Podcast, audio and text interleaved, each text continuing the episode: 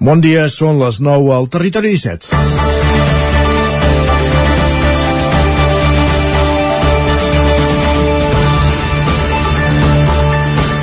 El tram de la C-17 en sentit sud entre Granollers, Lliçà de Vall i Parets compta des d'ahir amb tres carrils. El secretari general de Polítiques Digitals i Territori, Ricard Font, encapçalava ahir la delegació d'autoritats que va inaugurar les obres que s'han fet en els darrers mesos en aquest tram amb l'objectiu de descongestionar el trànsit. Font destacava que aquesta obra permetrà guanyar en seguretat i reduir la congestió. Entre els alcaldes, Josep Mayoral de Granollers valorava la visualització del treball entre administracions per tirar endavant el projecte mentre que el de Parets, Francesc Juzgado, posava l'accent en la millora dels accessos als polígons als polígons. La construcció del tercer carril ha representat una inversió de 10 milions i mig d'euros i forma part d'un paquet d'actuacions a la C-17 amb una inversió al voltant dels 60 milions. De fet, de la inversió prevista, 55 milions ja estan executats o en execució.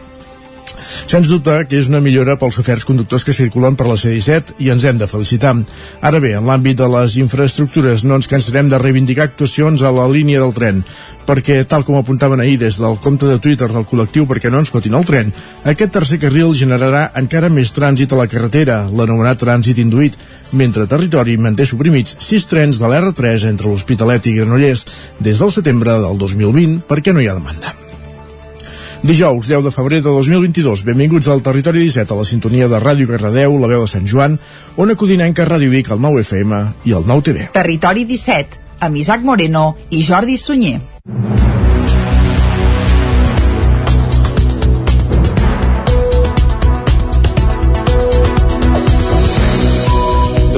Passen gairebé dos minutets de les 9 del matí d'avui dijous, dia 10 de febrer de 2022, de seguida arribarà el moment d'acostar-vos l'actualitat de les nostres comarques. Després, a partir de les 10, perquè l'actualitat us l'acostarem durant tota la primera hora de programa, doncs això a partir de les 10, més informació i després, com cada dia, arribarà l'entrevista. Correcte, Jordi, avui amb l'escriptora de GURB, Teresa Saborit, que acaba de publicar la novel·la Barcelona, la Rosa i el Drac. Després de l'entrevista arribarà el moment de les piulades, amb en Guillem Sánchez passarem per les portades del 99.cat, taula de redacció i avui anirem a la plaça. Com cada dijous, en companyia de la Maria López, des de Ràdio Televisió Cardedeu i 11.cat. A les 11 en punt serà el moment d'actualitzar el butlletí informatiu i després qui ens visitarà, com que som dijous, cada 15 dies tenim la Cristina Enfruns aquí als estudis del nou FM. Amb la intenció que entre tots plegats aconseguim parlar més bé el català. Esperem-ho. I a la darrera mitja hora, com cada dia, l'arrencarem pujant al tren, a la Trenc d'Alba, i com sempre, els dijous acabarem anant al cinema. Amb Joan Garcia i Gerard Foses des de la veu de Sant Joan fent un repàs a la cartellera i a les novetats del cap de setmana. I ara, per arrencar, ara sí, el que toca és acostar-vos, com fem sempre, a l'actualitat de casa nostra, l'actualitat de les comarques del Ripollès, Osona, el Moianès i el Vallès Oriental.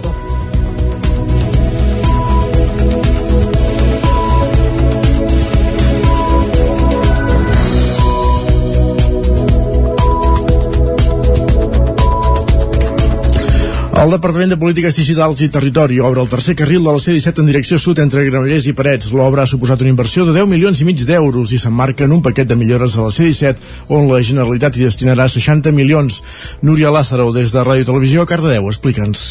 Ahir al migdia es presentava la reforma reunint responsables de la Conselleria i alcaldes de la zona com els de Parets, Granollers i Montmeló, així com representants d'altres consistoris com el de Lliçà d'Amunt. Ricard Font, secretari general del Departament de Polítiques Digitals i Territori, ha ressaltat que la millora de la C-17 permetrà guanyar en seguretat i reduir la congestió i, per tant, contribuir a la reducció de les retencions i de les emissions de contaminants. També ha ressaltat la millora de connexió amb les zones industrials que representaran totes les actuacions.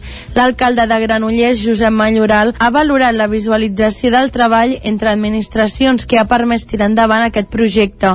L'alcalde de Parets, Francesc Juzgado, ha destacat la millora que representarà per al municipi, per exemple, amb la millora de l'accessibilitat als polígons. La construcció del tercer carril ha representat una inversió de 10,5 milions d'euros i forma part d'un paquet d'actuacions a la C-17 amb una inversió al voltant dels 60 milions d'euros. De fet, de la inversió prevista, 55 milions ja estan executats o en execució. Ja es treballa en la construcció del tercer carril i una calçada lateral en sentit nord, també entre Parets i Granollers. Arrenquen les obres de millora de l'enllaç de la Vinyota i el polígon de Martorelles i està en licitació la construcció d'un nou enllaç d'accés als polígons Font del Ràdio i Coll d'Alemanya de Granollers i Can Montcau de Lliçà d'Amunt.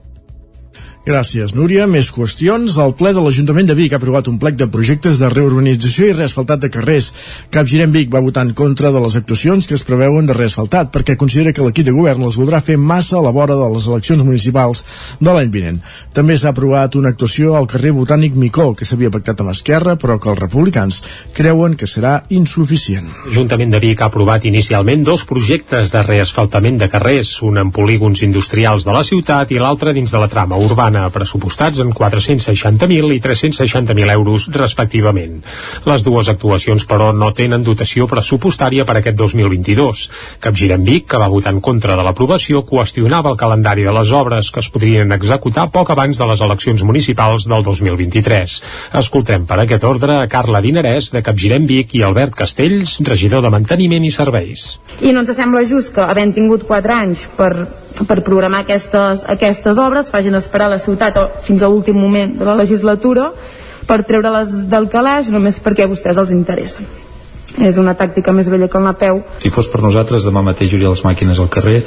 Evidentment necessitem eh, esgotar els terminis que, que demana l'administració. D'entrada és una proposició inicial, per tant necessitem les al·legacions, necessitem eh, esgotar aquests terminis. L'administració té aquests processos i no, no hi podem fer més que seguir-los.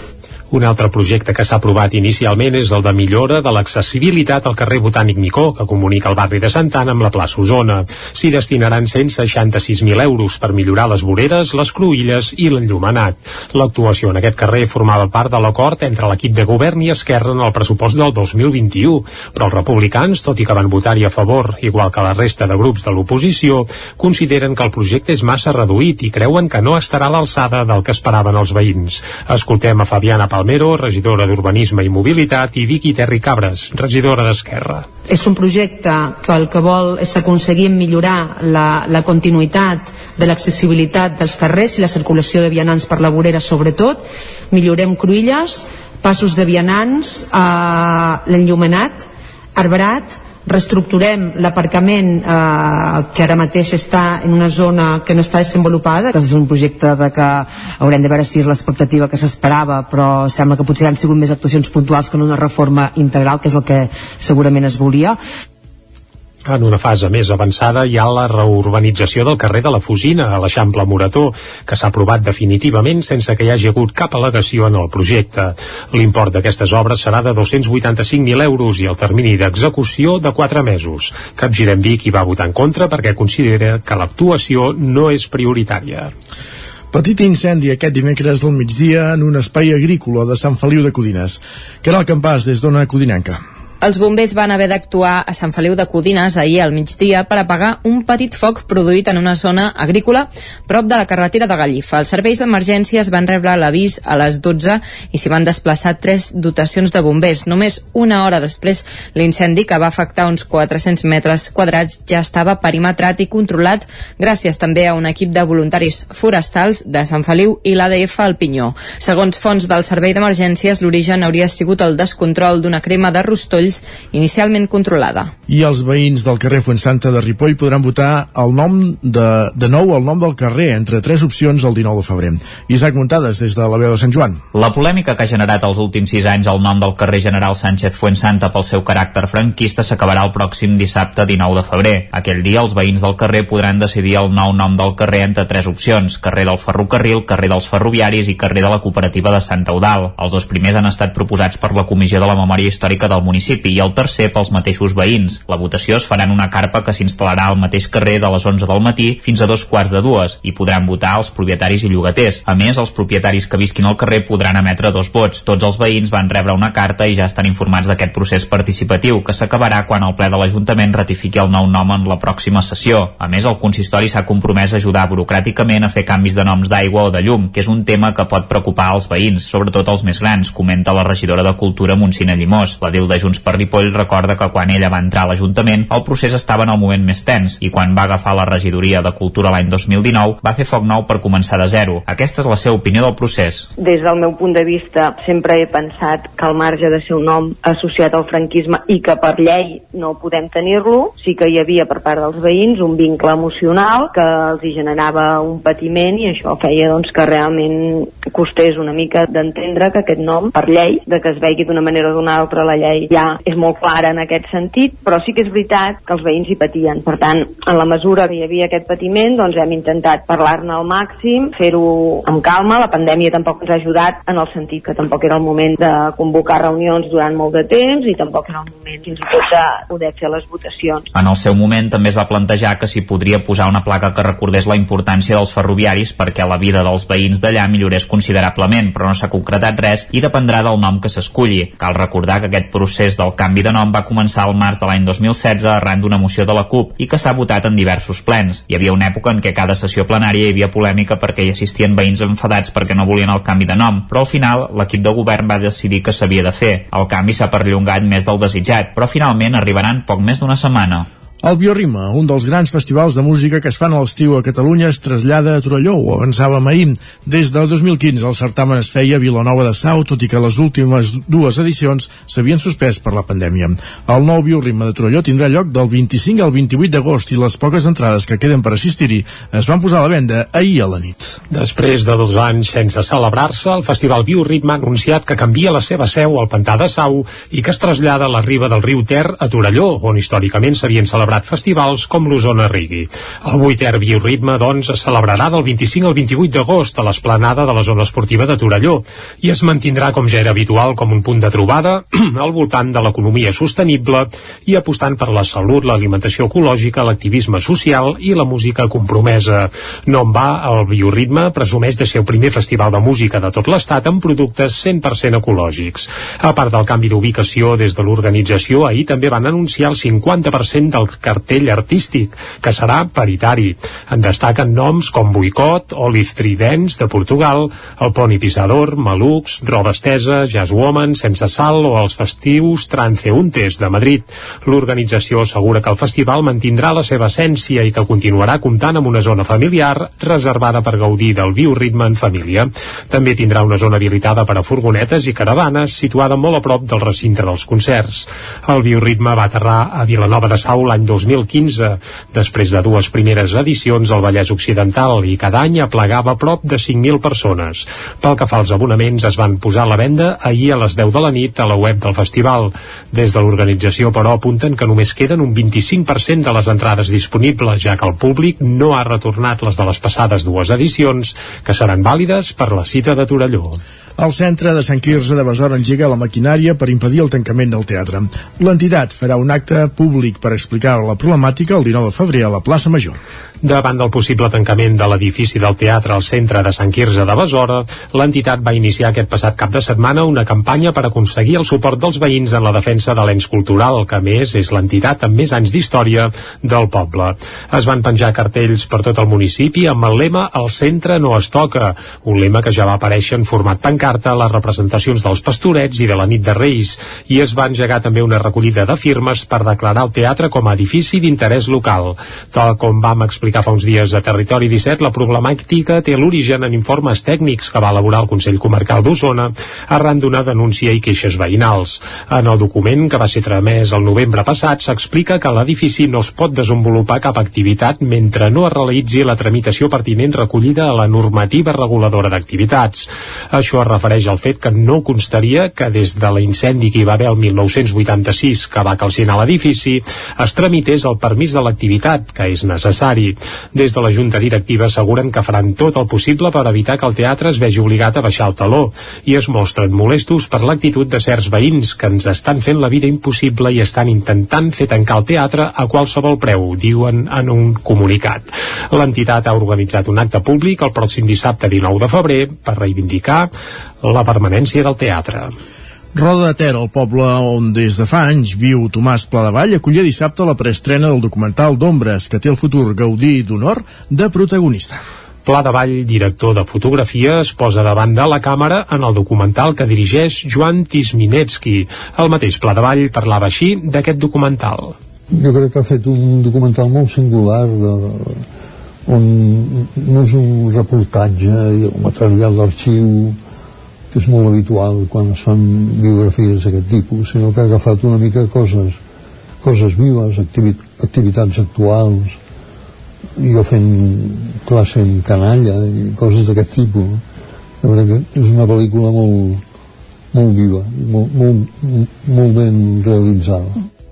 Aquesta producció, que es va poder veure dissabte passat al Teatre Eliseu de Roda i que s'estrenarà oficialment a la Filmoteca de Catalunya ben aviat, coincideix amb el reconeixement que l'Acadèmia del Cinema Català farà a Tomàs Pladevall en els Premis Gaudí, on rebrà el Gaudí d'Honor. En el discurs que ja està preparant, vol reivindicar tots els professionals del cinema que treballen darrere de les càmeres i que arriben menys al gran públic. L'escoltem.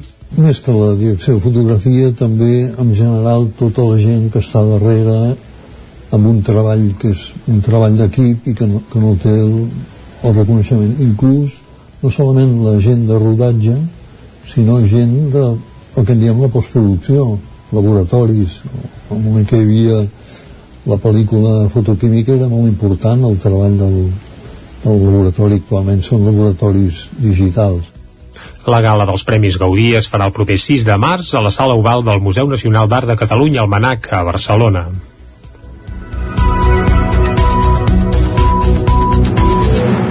Arribats a aquest punt, acabem aquest repàs informatiu que començàvem a les 9 en companyia de Jordi Sunyer, Núria Lázaro, Caral Campàs i Isaac Muntades. Moment ara de conèixer la previsió del temps.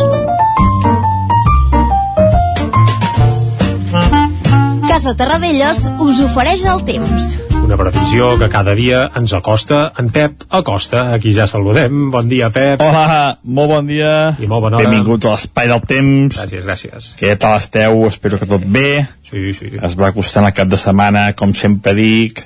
També. Uh, la informació meteorològica va guanyant pes a mesura que ens acostem al cap de setmana i va guanyant importància també per, uh, per aquest anticicló que es va desgastant i que sembla que té els dies comptats. Però Ah, bueno, Ja si és veritat. mirant els mapes eh, tampoc vol dir que tinguem pluja a tot i plen ni de bon, ni de bon tros, eh? eh es va desgastar l'anticicló, però tampoc tindrem un període de pluja molt seguit i de pluja molt important. Això no es veu per enlloc, ja aviso. Uh, continuem per això avui amb el mateix panorama, mm, unes temperatures mínimes uh, que només han sigut una mica fredes a les, a les zones més, més enclotades, a les zones uh, més fondes de les comarques, algunes glaçades, a les parts, com deia, més fondes, uh, temperatures de 1, 2, 3 sota 0 tot estirar, uh, poques glaçades ja, i continua aquesta inversió tèrmica.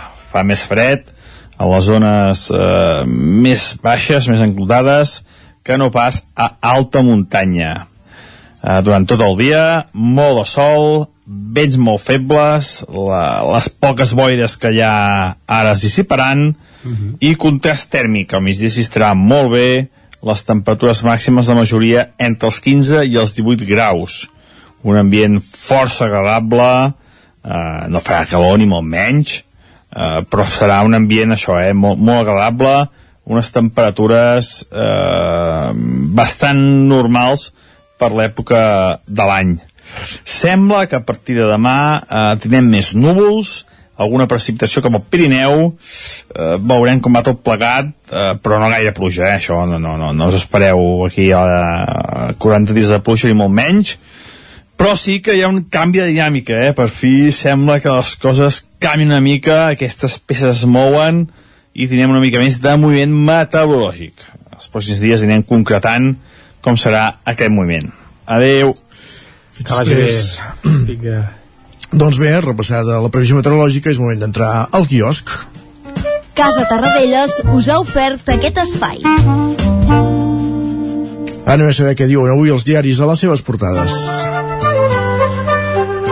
I comencem, Jordi, si et sembla, pel punt avui, no? I tant, comencem pel punt avui i el titular principal és immersió per majoria i és que la gran majoria de catalans estan d'acord amb la immersió lingüística a l'escola.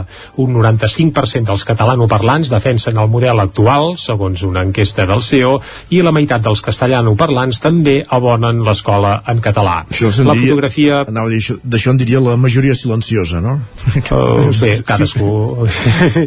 Si més no que depèn qui no li posa l'altra veu davant. En fi, és igual. Continuem. Continuem, va. Fotografia principal pels locals d'oci nocturn que ja estan a punt per obrir. Recordem que aquesta nit reobre l'oci nocturn, en vam parlar ahir a Territori 17, i des d'avui doncs, ja s'hi val, i a més sense restriccions de cap tipus, ni d'aforament, ni certificats Covid, etc etc. Això sí, a dins, mascareta. Des d'avui, oci nocturn reobre i sales de concerts, cosa de la qual ens, ens en felicitem, i més coses que apareixen a la portada del punt avui, salari mínim de 1.000 euros des de l'1 de gener. Això també apareix a la portada del punt avui i ho veurem a d'altres portades. Uh, per exemple, a la, a la portada de l'Ara, que el titular principal és precisament aquest. El salari mínim puja a 1.000 euros. L'acord que Yolanda Díaz ha firmat només amb el sindicat serà efectiu des de l'1 de gener. Dones, joves i els sectors del camp i els serveis són els principals destinataris de la mesura. Això s'apunta a la portada de l'Ara, on la fotografia principal és pel trumpisme. El trumpisme, seguidors de Trump, eh? I diuen el trumpisme es fa seu el clam antivacunes al Canadà al Canadà que hi ha força caliu, moltes mobilitzacions i una fotografia espectacular de gent amb banderes d'Estats Units i del Canadà passejant per una autopista eh, i una pancarta que diu això és Corea del Nord gairebé sembla un acudit, però és la fotografia que hi ha a la portada de l'ara. Del, del trumpisme res ens pot sorprendre ja, pràcticament. Eh, clar, és evident, també. Un, el que sí que ens sorprèn eh, és un dels titulars que també apareix a la portada, com deien, de l'ara, i és la Generalitat va pagar 8 milions d'euros de més per uns respiradors i encara no els ha recuperat. Carai. Uns respiradors vinculats, evidentment, a tota la pandèmia, doncs en van comprar uns quants i resulta que per error van pagar 8 milions d'euros més del compte. Carai. Bé que el recuperin aviat perquè 8 milions no és pas poca cosa. És el que anava a dir, sí. Uh, déu nhi doncs això apareix a la portada de l'Ara. Més portades, anem cap a l'avantguàrdia. Nova disputa al govern de coalició per la reforma fiscal. Unides Podem reclama un canvi ambiciós en els impostos que fa enfadar la ministra d'Hisenda. La política econòmica que porta de, de corcoll al govern estatal espanyol, ja es veu. Sí. La fotografia és molt igual que la de l'Ara. Els antivacunes mantenen la pressió al Canadà i es veuen un grup de camions embolcallats amb banderes del Canadà en una manifestació antivacunes. Més coses a la portada de La Vanguardia. Espanya passa de democràcia plena a defectuosa, segons The Economist, que fa un llistat de quines són les millors democràcies arreu del món, i Carai. Espanya això, abans era una democràcia plena, ara mateix, entre cometes, és una democràcia defectuosa. No ho diem nosaltres, que potser també, sinó que ho diu The Economist. I se'n fa ressò La Vanguardia. Exacte. I a més a la portada, més coses. La llei d'educació busca... No, perdó, la llei d'educació basca donarà autonomia a les escoles sobre la llengua i ho deixen anar volent dir si la catalana va pel mateix camí, almenys és la interpretació que en fem nosaltres, tenint en compte que això surt a la portada de la Vanguardia. Deixem la Vanguardia i anem cap al periòdico, on el titular va per una altra via, i és que parlen de nous testimonis de pederàstia en col·legis religiosos, i el titular principal, obrim cometes, diu, ens posava el termòmetre amb qualsevol excusa per tocar-nos.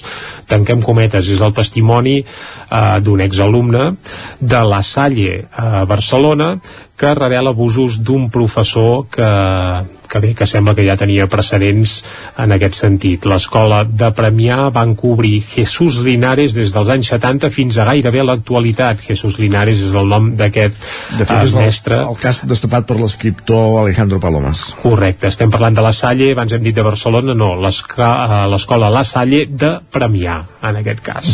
Uh, més coses a la portada del periòdico. Inquietud al PP per l'expectativa electoral a la baixa a Castella i Lleó. Sembla que les darreres enquestes no afavoreixen els interessos dels populars a les eleccions que tindran lloc a Castella i Lleó eh, aquest cap de setmana. També l'oci nocturn reobre amb falta de personal i la previsió d'omplir. I amb un raconet, treballa puja el salari mínim a 1.000 euros i trenca amb la patronal. I encara un altre raconet que és que el Barça sempre, sempre és un punt d'interès. La porta es refugia en el seu nucli dur i s'aferra al seu carisma. Abans d'anar a les portades a Madrid, deixem fer un apunt. Avui no trobarem a les portades, perquè la notícia és d'aquesta matinada, la medalla de plata de la Caral Castellet als Jocs Olímpics d'hivern, una de les notícies, evidentment, d'aquest matí, però que, com dèiem, els diaris de paper no han sigut a temps de, de recollir-la, òbviament. Primera fa... medalla catalana en uns Jocs Olímpics d'hivern de la història, per tant, des d'aquí, per molts anys, a, a la Caral, i tant que sí, que a més ja feia anys i panys que, que la buscava, perquè sí, no era pas la primera no, cita no. olímpica on, la on cinquena, apareixia. en concret. Molt bé, fet aquest apunt, va, anem cap a les portades que s'editen des de Madrid. Comencem pel país. Titular principal per Brussel·les, que desarticula l'ofensiva del PP pels fons europeus. Això segons el país. La comissió respon als populars sense deixar eh, resquicio, diuen ells, a les seves denúncies. Ni Casado ni els seus alcaldes aconsegueixen ser rebuts pels responsables del pla. Segur que Casado hi va anar amb un, plec, amb un grup d'alcaldes del PP ahir a Brussel·les i no el van ni rebre. Uh, més coses. Patrulla fantasmal a la zona zero de Txernòbil. Continua el caliu a la frontera entre Rússia i Ucraïna i uh, la fotografia es veu un grup de soldats fent patrullant a la zona zero de Txernòbil, on no sé si queda gaire radiació, però de soldats ja es ben bé que veient la foto en queden i molts. Més coses. López Obrador, que és el president de Mèxic, decideix posar una pausa a la relació amb l'estat espanyol un titular també sorprenent que apareix a la portada del país. Més portades que s'editen des de Madrid, anem a la Razón, el PP porta fins a Brussel·les el frau amb els fons d'inclusió. És curiós perquè diuen això però no diuen que no van voler rebre a Casado com sí que explicaven ah, no, des del país. Eh? Més portades. Govern i sindicats apugen el salari mínim sense comptar amb la patronal, denuncia la Razón també. Més portades, El Mundo. El dimarts, reunió a, interi a Interior. Ala, a pesar las a passar les prioridades, mare meva. Uh, la Guàrdia Civil accedeix als missatges que hi havia a l'entorn entre Tarres uh, empresonats i el govern de Pedro Sánchez. I això que hem citat, que hem dit, és un text que, que han pescat d'allà. Fem una pausa, 3 minuts i tornem al territori 17. Fins ara mateix. El nou FM, la ràdio de casa, al 92.8. Això és el que s'escolta al voltant d'una caldera saunia d'Oval tranquil·litat i benestar, perquè gaudeix del millor manteniment del servei tècnic oficial per estar despreocupat. O el que vulgui. Informis a Oficiat Nord trucant al 938860040. Saunier Duval, sempre al seu costat. Cobertes serveis funeraris. Els nostres tanatoris estan ubicats en els nuclis urbans més poblats de la comarca d'Osona per oferir un millor servei. Tanatori de Vic, Tanatori de Manlleu, Tanatori de Centelles i Tanatori de Roda de Ter. Sabem que són moments difícils i per això el nostre compromís és atendre-us en tot moment amb un tracte humà, sensible i respectuós. Cobertes serveis funeraris. Telèfon 24 hores 93 883 23 46. Fa que no menges pluma ibèrica de Salamanca i xuletilles de lechal a la brasa amb una bona amanida? Oh, i un xuletón de vedella gallega? O lechazo de Castilla al forn? Ah, i botillo del Bierzo amb cachelos i col? Ei, i cochinillo a l'estil de Segovia, i tot acompanyat d'un bon celler. Oh, i uns bons serranitos de pollastre, de llom, de burguesa, del que tu vulguis. Per menjar la millor cuina de lleó sense moure't de casa, vine a El Racó de León. Fem cuina tradicional lleonesa i de mercat. Vine amb la família, amb els amics, amb la parella o sol t'encantarà. El racó de León. Som al carrer Torelló 35 de Vic. Reserves 93 889 1950. Tanquem els dimarts. El racó de León. Vine a tastar una cuina diferent. Gràfixer, el seu proveïdor global en rotulació i impressió digital. Oferim servei de disseny, producció i instal·lació de qualsevol projecte en rotulació industrial i comercial. Rètols corporis, senyalització preventiva, senyalització viària, senyalització interior de naus, vinils decoratius per a oficines i establiments comercials, rotulació de vehicles... Confia en els serveis que li pot oferir Gràfixer. Ens trobarà al carrer Lleida 39 de Vic o a gràfixer.com. Cefusol, centre de formació de soldadura GURB. Som especialistes en processos de soldadura. Disposem d'instal·lacions totalment equipades per a classes de teòrica i pràctica amb cabines individuals i equipaments de seguretat. Assessorem empreses i oferim cursos subvencionats i bonificats. Vine i t'informarem. Cefusol, som al carrer Sant Roc, número 9 de GURB. Telèfon 664 206 192. També ens trobaràs a cefusol.com i a YouTube. Anuncia't al 9FM. La màquina de casa. 9 3 8 8 9 4 9 4 9. Publicitat arroba al 9FM.cat. Anuncia't al 9FM. La publicitat més eficaç. El 9FM, el 9FM, el 9FM. En punt ara mateix, dos quarts de 10 al territori 17. Territori 17, amb Isaac Moreno i Jordi Sunyer.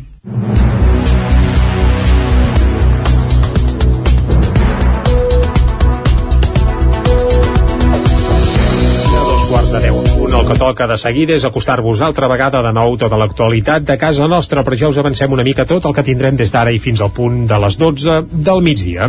Abans de les 10, com cada dia, hi posarem una mica de música. Avui, amb una de les patums actives més importants del país. Isaac, escoltarem Roger Mas. Actua aquest cap de setmana a Cardedeu, ho explicava ahir l'Òscar Muñoz. Exacte, doncs amb l'excusa, recordem que serà dissabte el cicle de Tast música d'autors. nostre Tast Autors, doncs escoltarem el més nou de Roger Mas, una de les peces del seu darrer disc. Això abans d'arribar a les 10. a Molt les bé. 10 actualitzarem butlletí informatiu i tot seguit serà el moment d'anar cap a l'entrevista.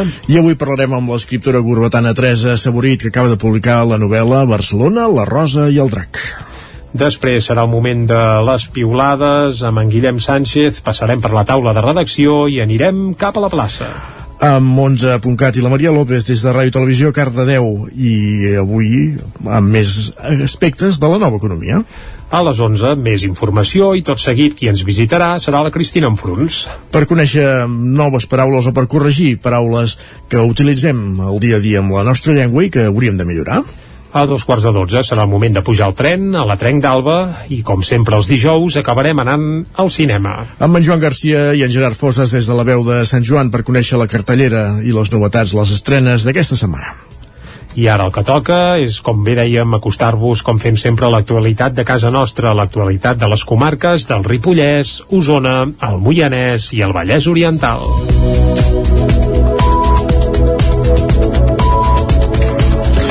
El Departament de Polítiques Digitals i Territori obre el tercer carril de la C-17 en direcció sud entre Granollers i Parets. L'obra ha suposat una inversió de 10 milions i mig d'euros i s'emmarca en un paquet de millores a la C-17 on la Generalitat hi destinarà 60 milions.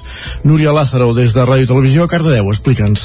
Ahir al migdia es presentava la reforma reunint responsables de la Conselleria i alcaldes de la zona com els de Parets, Granollers i Montmeló, així com representants d'altres consistoris com el de Lliçà d'Amunt. Ricard Font, secretari general del Departament de Polítiques Digitals i Territori, ha ressaltat que la millora de la C-17 permetrà guanyar en seguretat i reduir la congestió i, per tant, contribuir a la reducció de les retencions i de les emissions de contaminants. També ha ressaltat la millora de connexió amb les zones industrials que representaran totes les actuacions. L'alcalde de Granollers, Josep Malloral, ha valorat la visualització del treball entre administracions que ha permès tirar endavant aquest projecte. L'alcalde de Parets, Francesc Juzgado, ha destacat la millora que representarà per al municipi, per exemple, amb la millora de l'accessibilitat als polígons. La construcció del tercer carril ha representat una inversió de 10,5 milions d'euros i forma part d'un paquet d'actuacions a la C-17 amb una inversió al voltant dels 60 milions d'euros. De fet, de la inversió prevista, 55 milions ja estan executats o en execució. Ja es treballa en la construcció del tercer carril i una calçada lateral en sentit nord, també entre Parets i Granollers. Arrenquen les obres de millora de l'enllaç de la Vinyota i el polígon de Martorelles i està en licitació la construcció d'un nou enllaç d'accés als polígons Font del Ràdio i Coll d'Alemanya de Granollers i Can Montcau de Lliçà d'Amunt. Gràcies, Núria. Més qüestions. El ple de l'Ajuntament de Vic ha aprovat un plec de projectes de reurbanització i reasfaltat de carrers. Capgirem Vic va votar en contra de les actuacions que es preveuen de reasfaltat perquè considera que l'equip de govern les voldrà fer massa a la vora de les eleccions municipals de l'any vinent.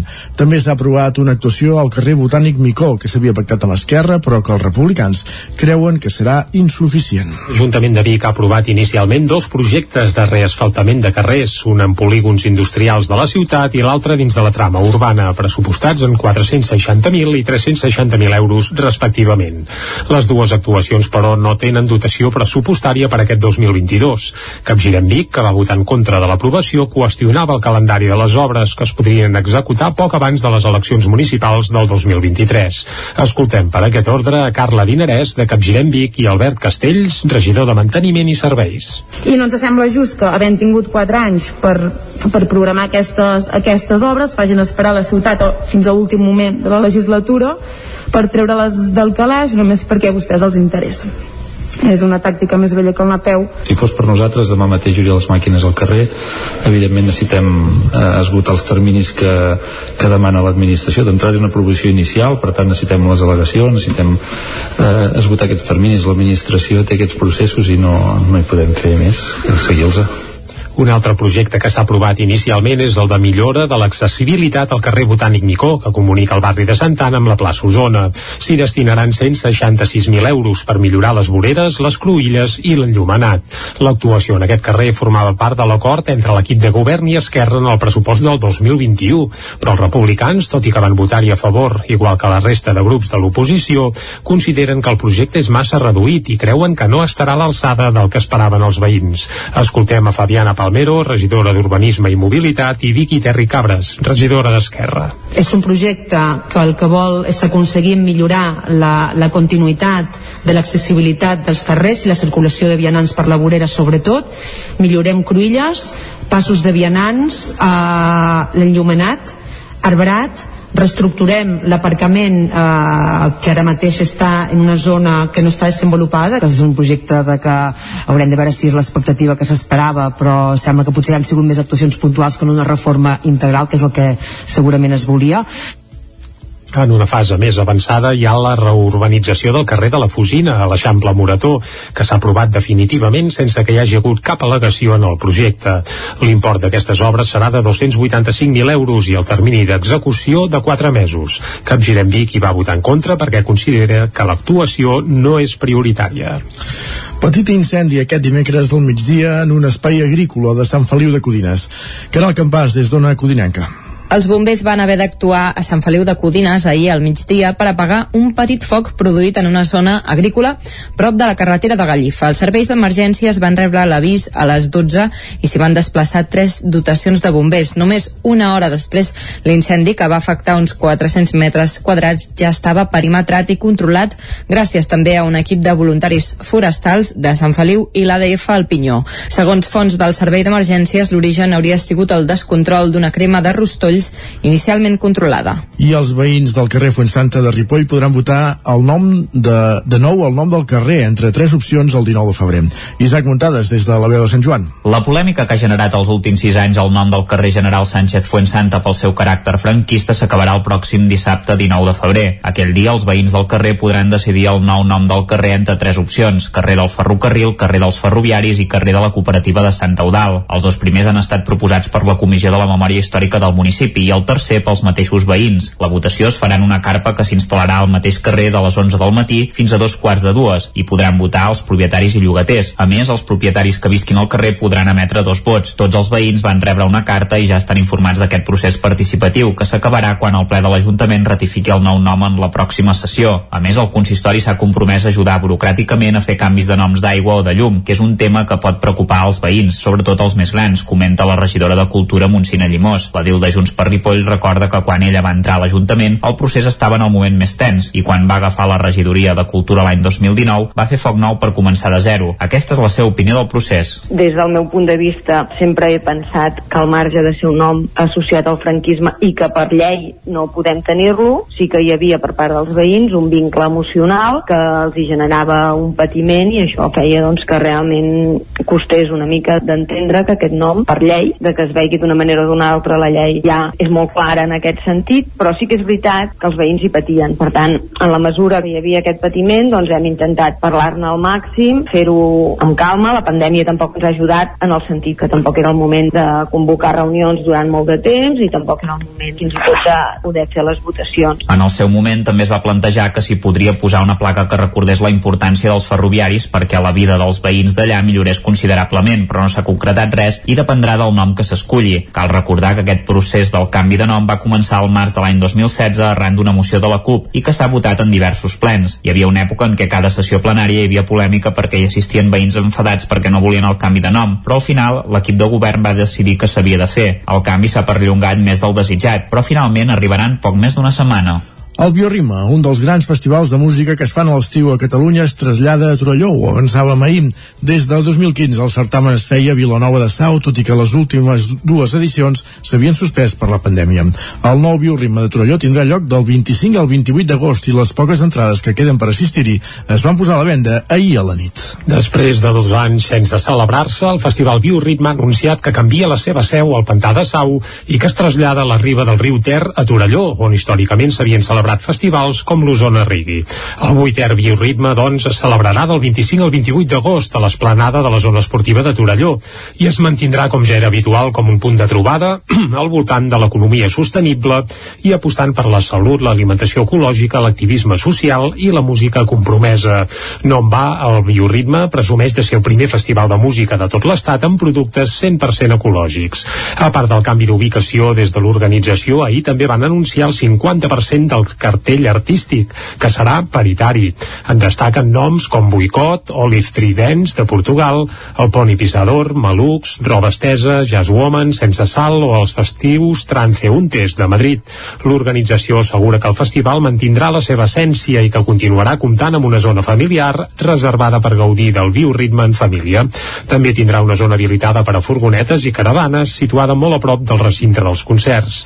El bioritme va aterrar a Vilanova de Sau l'any 2015, després de dues primeres edicions al Vallès Occidental i cada any aplegava prop de 5.000 persones.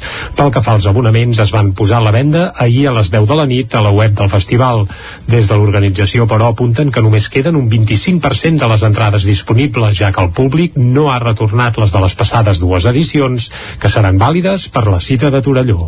El centre de Sant Quirze de Besora engega la maquinària per impedir el tancament del teatre. L'entitat farà un acte públic per explicar la problemàtica el 19 de febrer a la plaça Major. Davant del possible tancament de l'edifici del teatre al centre de Sant Quirze de Besora, l'entitat va iniciar aquest passat cap de setmana una campanya per aconseguir el suport dels veïns en la defensa de l'ens cultural, que més és l'entitat amb més anys d'història del poble. Es van penjar cartells per tot el municipi amb el lema El centre no es toca, un lema que ja va aparèixer en format pancarta a les representacions dels pastorets i de la nit de Reis, i es va engegar també una recollida de firmes per declarar el teatre com a edifici d'interès local. Tal com vam explicar fa uns dies a Territori 17, la problemàtica té l'origen en informes tècnics que va elaborar el Consell Comarcal d'Osona arran d'una denúncia i queixes veïnals. En el document que va ser tramès el novembre passat s'explica que l'edifici no es pot desenvolupar cap activitat mentre no es realitzi la tramitació pertinent recollida a la normativa reguladora d'activitats. Això es refereix al fet que no constaria que des de l'incendi que hi va haver el 1986 que va calcinar l'edifici es tramités el permís de l'activitat, que és necessari. Des de la Junta Directiva asseguren que faran tot el possible per evitar que el teatre es vegi obligat a baixar el taló i es mostren molestos per l'actitud de certs veïns que ens estan fent la vida impossible i estan intentant fer tancar el teatre a qualsevol preu, diuen en un comunicat. L'entitat ha organitzat un acte públic el pròxim dissabte 19 de febrer per reivindicar la permanència del teatre. Roda de Ter, el poble on des de fa anys viu Tomàs Pladevall, acollia dissabte la preestrena del documental d'Ombres, que té el futur Gaudí d'honor de protagonista. Pla de Vall, director de fotografia, es posa davant de la càmera en el documental que dirigeix Joan Tisminetski. El mateix Pla de Vall parlava així d'aquest documental. Jo crec que ha fet un documental molt singular de, on no és un reportatge i el material d'arxiu que és molt habitual quan es fan biografies d'aquest tipus, sinó que ha agafat una mica coses, coses vives, activi activitats actuals, jo fent classe en canalla i coses d'aquest tipus. No? És una pel·lícula molt, molt viva, molt, molt, molt ben realitzada. Aquesta producció, que es va poder veure dissabte passat al Teatre Liceu de Roda i que s'estrenarà oficialment a la Filmoteca de Catalunya ben aviat, coincideix amb el reconeixement que l'Acadèmia del Cinema Català farà a Tomàs Pladevall en els Premis Gaudí, on rebrà el Gaudí d'Honor.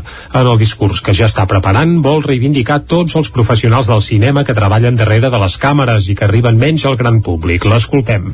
Més que la direcció de fotografia, també en general tota la gent que està darrere amb un treball que és un treball d'equip i que no, que no té el, el reconeixement. Inclús no solament la gent de rodatge sinó gent de el que en diem la postproducció laboratoris.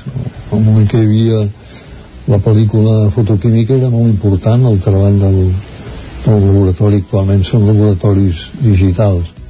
La gala dels Premis Gaudí es farà el proper 6 de març a la Sala Oval del Museu Nacional d'Art de Catalunya al Manac, a Barcelona.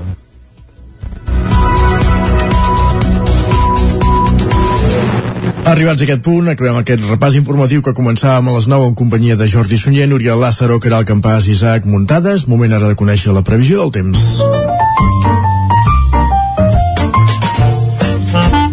Casa Terradellos us ofereix el temps. Una previsió que cada dia ens acosta en Pep Acosta. Aquí ja saludem. Bon dia, Pep. Hola, molt bon dia. I molt bona hora. Benvinguts a l'Espai del Temps. Gràcies, gràcies. Què tal esteu? Espero que tot bé. Sí, sí. Es va acostant el cap de setmana, com sempre dic. També. Uh, la informació meteorològica va guanyant pes a mesura que ens acostem al cap de setmana i va guanyant importància també per, uh, per aquest anticicló que es va desgastant i que sembla que té els dies comptats. Però Ah, bueno, ja si és veritat. mirant els mapes, eh, tampoc vol dir que tinguem pluja a tot i plen ni de bon, ni de bon tros, eh? eh es va desgastar l'anticicló, però tampoc tindrem un període de pluja molt seguit i de pluja molt important. Això no es veu per enlloc, ja aviso. Uh, continuem per això avui amb el mateix panorama, mm, unes temperatures mínimes uh, que només han sigut una mica fredes a les, a les zones més, més enclotades, a les zones uh, més fondes de les comarques, algunes glaçades, a les parts, com deia, més fondes, uh, temperatures de 1, 2, 3 sota 0 tot estirar, uh, poques glaçades ja, i continua aquesta inversió tèrmica. Fa més fred a les zones eh, més baixes, més enclotades, que no pas a alta muntanya. Eh, durant tot el dia, molt de sol, vents molt febles, la, les poques boires que hi ha ara es dissiparan, uh -huh. i contrast tèrmic. Al migdia s'hi estarà molt bé, les temperatures màximes de majoria entre els 15 i els 18 graus. Un ambient força agradable, eh, no farà calor ni molt menys, eh, però serà un ambient, això, eh, molt, molt agradable, unes temperatures eh, bastant normals per l'època de l'any. Sembla que a partir de demà eh, tindrem més núvols, alguna precipitació cap al Pirineu, eh, veurem com va tot plegat, eh, però no gaire pluja, eh, això, no, no, no, no us espereu aquí a 40 dies de pluja ni molt menys, però sí que hi ha un canvi de dinàmica, eh? per fi sembla que les coses canvien una mica, aquestes peces es mouen i tindrem una mica més de moviment meteorològic. Els pròxims dies anirem concretant com serà aquest moviment. Adeu. Fins després. Vinga. Doncs bé, repassada la previsió meteorològica, és moment d'entrar al quiosc. Casa Tarradellas us ha ofert aquest espai. Anem a saber què diuen avui els diaris a les seves portades. I comencem, Jordi, si et sembla, pel punt avui, no? I tant, comencem pel punt avui i el titular principal és immersió per majoria i és que la gran majoria de catalans estan d'acord amb la immersió lingüística a l'escola. Un 95% dels catalanoparlants defensen el model actual, segons una enquesta del CEO, i la meitat dels castellanoparlants també abonen l'escola en català. Això la fotografia... Anava a dir, això- d'això en diria la majoria silenciosa, no? Oh, bé, cadascú... Si més no, que depèn qui no li posa l'altaveu davant. En fi, és igual. Continuem. Continuem, va, fotografia principal pels locals d'oci nocturn que ja estan a punt per obrir. Recordem que aquesta nit reobre l'oci nocturn, en vam parlar ahir a Territori 17, i des d'avui doncs, ja s'hi val, i a més sense restriccions de cap tipus, ni d'aforament, ni certificats Covid, etc etc. Això sí, a dins, mascareta. Des d'avui, oci nocturn reobre i sales de concerts, cosa de la qual ens, ens en felicitem, i més coses que apareixen a la portada del punt avui, salari mínim de 1.000 euros des de l'1 de gener. Això també apareix a la portada del punt avui i ho veurem a d'altres portades. Uh, per exemple, a la, a la portada de l'Ara, que el titular principal és precisament aquest. El salari mínim puja a 1.000 euros. L'acord que Yolanda Díaz ha firmat només amb el sindicat serà efectiu des de l'1 de gener. Dones, joves i els sectors del camp i els serveis són els principals destinataris de la mesura. Això s'apunta a la portada de l'Ara, on la fotografia principal és pel trumpisme. El trumpisme, seguidors de Trump, eh? I diuen el trumpisme es fa seu el clam antivacunes al Canadà. Al Canadà, que hi ha força caliu, moltes mobilitzacions i una fotografia espectacular de gent amb banderes d'Estats Units i del Canadà passejant per una autopista eh, i una pancarta que diu això és Corea del Nord gairebé sembla un acudit, però és la fotografia que hi ha a la portada de l'Ara. Del, del trumpisme res ens pot sorprendre ja, pràcticament. Clar, és evident, també.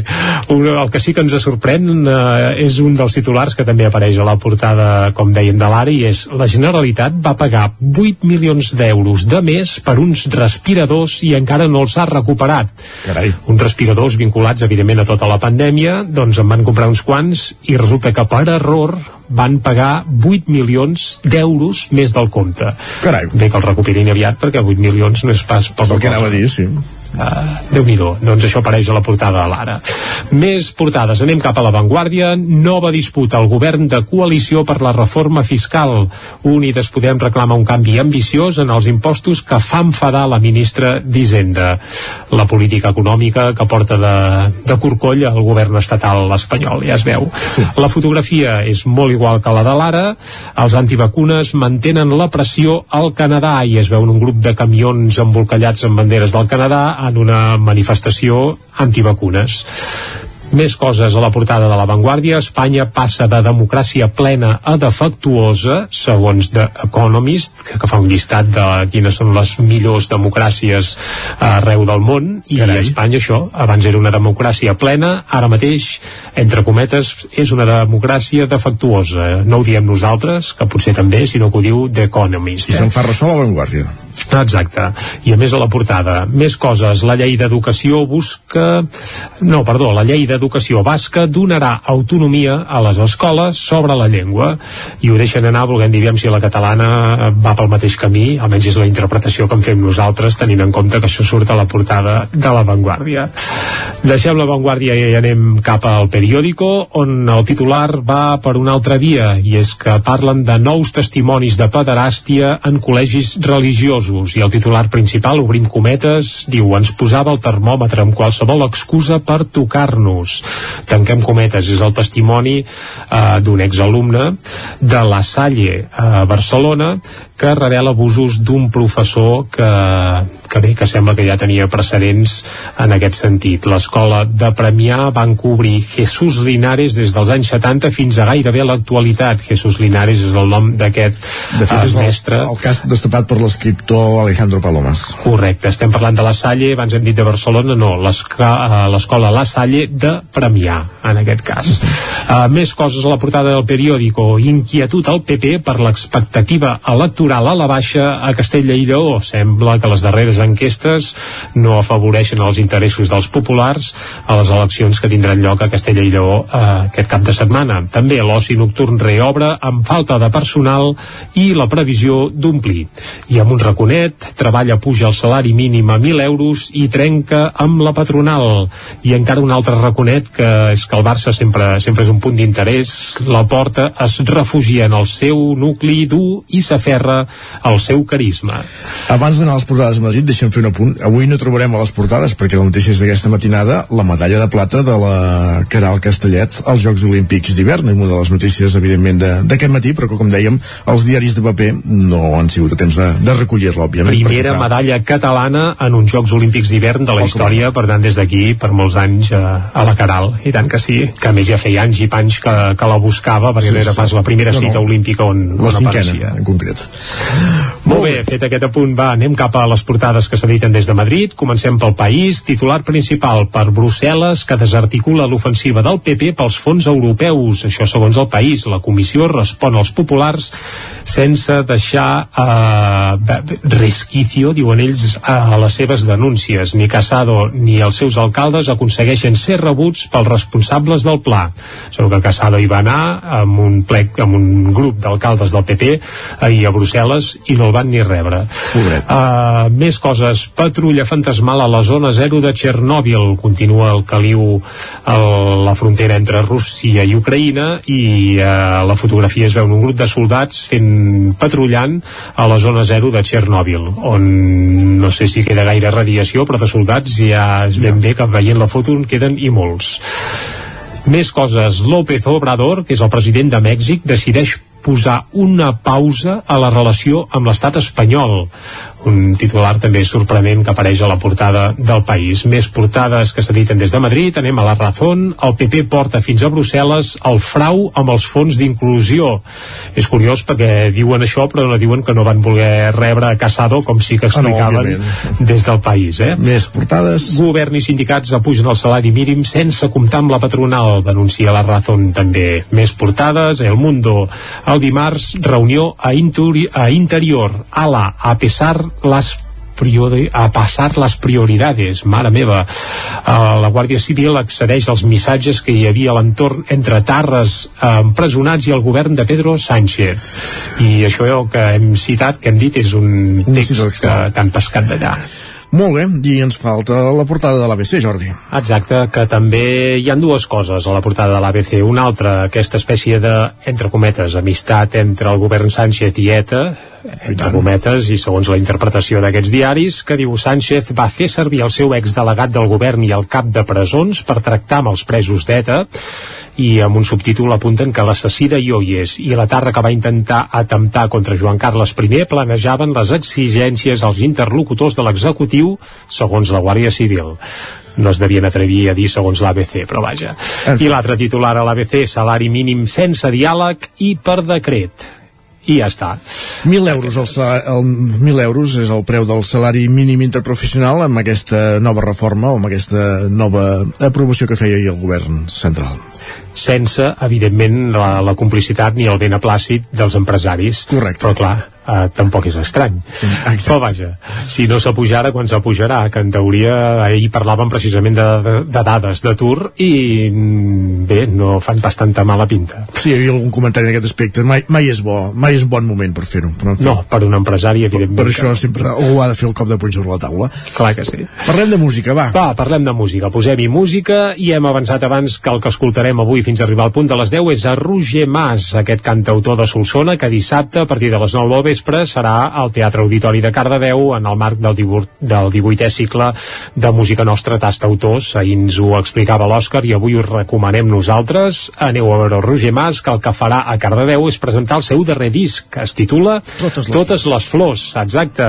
I just abans de Nadal en vam escoltar un primer avançament, que era la cançó La polla i l'ou. Ho recordes, I Isaac? Tant, perfectament. I, que... de fet, recordo també el concert del Mercat de Música Vigo, no el va presentar. Correcte. I, i, i era físicament. Doncs aquesta cançó de la Polla i l'Ou va aixecar certa polèmica perquè algunes plataformes eh, de Apple música Music. van censurar el títol. Correcte. Mm, Bé, eh, evidentment la Polla i l'Ou a la que fa referència a la cançó no seria precisament el nap que ens penja d'entre la cama sinó un altre però ja se sap que hi ha gent que té la pell molt fina. Avui no escoltarem pas aquesta cançó, sinó que escoltarem precisament la que dona títol al disc. És Totes les flors i amb això arribarem fins al punt de les 10 aquí a Territori 17. Totes les flors, totes les flors i anava al seu darrere una nena dolenta que saltava en talit sobre les flors ningú no la mirava s'ho feia tota sola la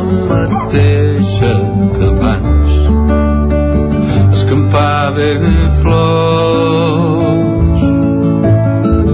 Totes les flors totes les flors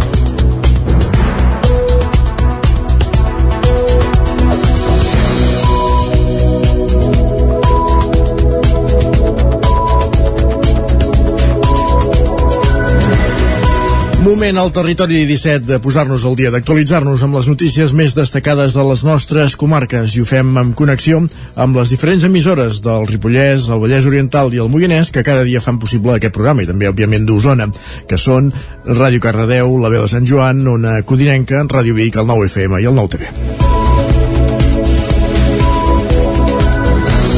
La Policia Nacional Espanyola i la Guàrdia Civil i els Mossos d'Esquadra han desmantellat una organització criminal que es dedicava a robatoris en força domicilis de tot l'estat espanyol.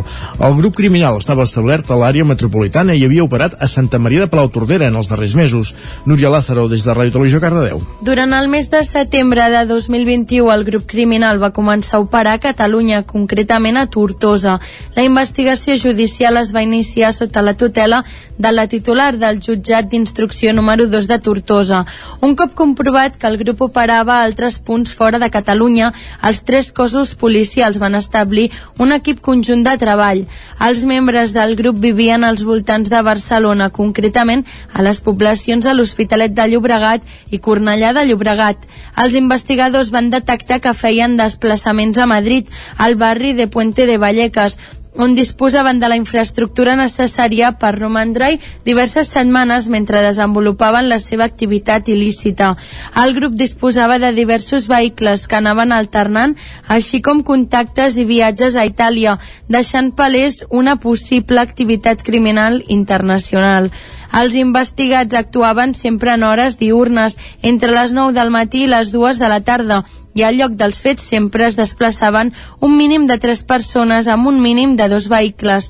Quan s'acostaven a la població on hi havien seleccionat el domicili, començaven una sèrie de maniobres de contravigilància consistents a realitzar una conducció erràtica i en molts casos inadequada per a les vies per on circulaven i en un control de l'entorn per assegurar l'èxit de l'operació.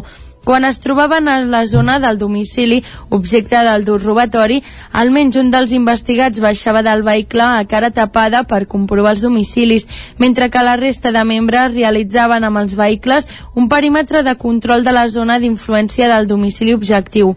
Durant tot aquest procés, els investigats estaven en contínua comunicació per tenir una reacció ràpida en cas que es produís algun imprevist, utilitzant auriculars i trucades telefòniques simultànies de diversos interlocutors.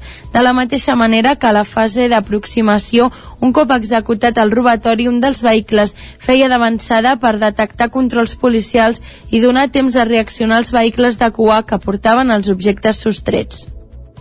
Més qüestions, gràcies, Núria. El PENS comprarà la finca de la Torre per 400.000 euros. Es preveu que l'espai pugui acollir habitatges socials i alguns usos culturals i sociosanitaris. L'Ajuntament del PENS destinarà 400.000 euros del pressupost municipal d'enguany a l'adquisició de la finca de la Torre, situada vora la carretera de Berga i a l'altra banda del casino.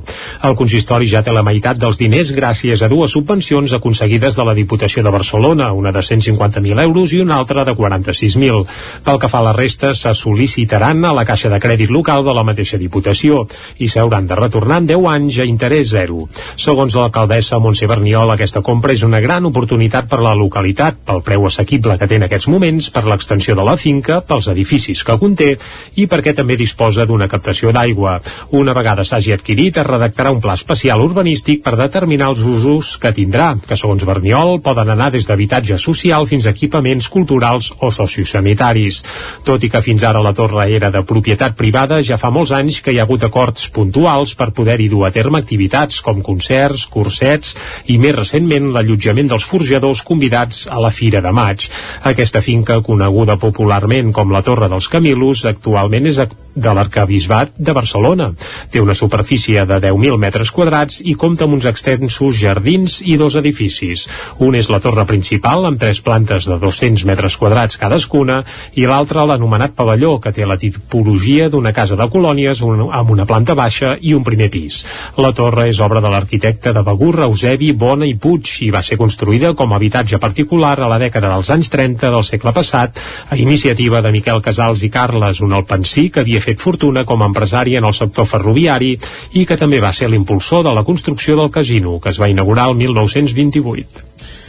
Anem cap al Ripollès perquè comencen les obres per construir dues rotondes a la ronda Mas d'en Bosch de Ripoll i per augmentar-ne la seguretat. Isaac Muntades, des de la veu de Sant Joan. En els darrers dies, el Departament de Territori de la Generalitat de Catalunya, titular de la C26, ha començat les obres de construcció de les dues rotondes de la ronda Mas d'en Bosch de Ripoll, al tram del pavelló del Centre de Tecnificació Esportiu de la Vallaneda. Les obres tindran un termini d'execució de 6 mesos i un cost total d'entre 700.000 i 800.000 euros. L'alcalde ripollès, Jordi Monell, explica que un dels giratoris es construirà en el punt d'intersecció entre el pavelló de la Vallaneda i l'àrea de trial de bicicletes i la Fundació Eduard Soler, mentre que l'altre es farà l'entrada nord del polígon dels Pintors, on s'hi concentra una benzinera i l'accés a la deixalleria. De fet, en aquella zona hi ha molta activitat econòmica i social amb moltes empreses i serveis com la Fundació MAP, l'Agència de Desenvolupament del Ripollès o la zona de pràctiques i exàmens per treure's el carnet de conduir. En tractar-se d'una zona tan concorreguda, els darrers anys hi ha hagut diversos ensurts i accidents, algun d'ells malauradament mortal, i per tant les obres s'estan fent per un tema de seguretat. Monell detalla per què serviran aquestes rotondes. Aquestes dues rotondes el que faran és, per un costat, contribuir a regular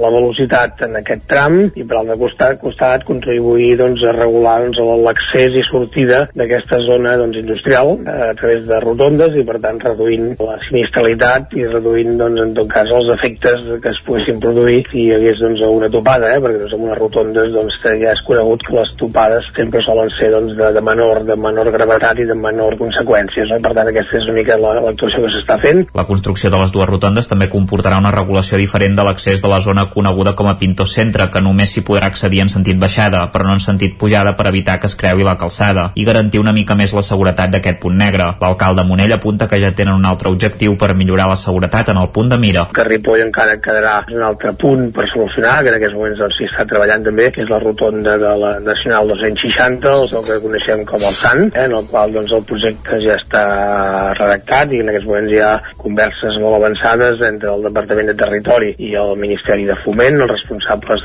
territorials, per poder també solucionar aquest, aquest, aquest altre punt i això doncs, es pogués confirmar que aquest 22 i 23 també es pogués fer aquesta rotonda de la Font del Sant. Si es fes aquesta altra rotonda, Ripoll tindria les tres entrades principals al municipi resoltes, ja que des de que n'hi ha a la zona sud venint de la C-17 en aquell punt s'han reduït els ensurts i accidents de forma notable. Tornem a Osona perquè tres usonencs, tres joves usonencs han creat l'empresa Síbia, una empresa de cereals ecològics sense gluten. És de les primeres iniciatives en aquest sentit a Catalunya i s'ha fet un lloc en arbolaris i botigues a granel. Tot va començar durant l'embaràs del segon fill de Mariona Espaulella. Ella, que és metgessa, va aprofitar, va aprofundir, volem dir, l'embaràs per aprofundir en l'alimentació saludable davant la falta d'un producte que la convencés al mercat i va començar a fer granola a casa.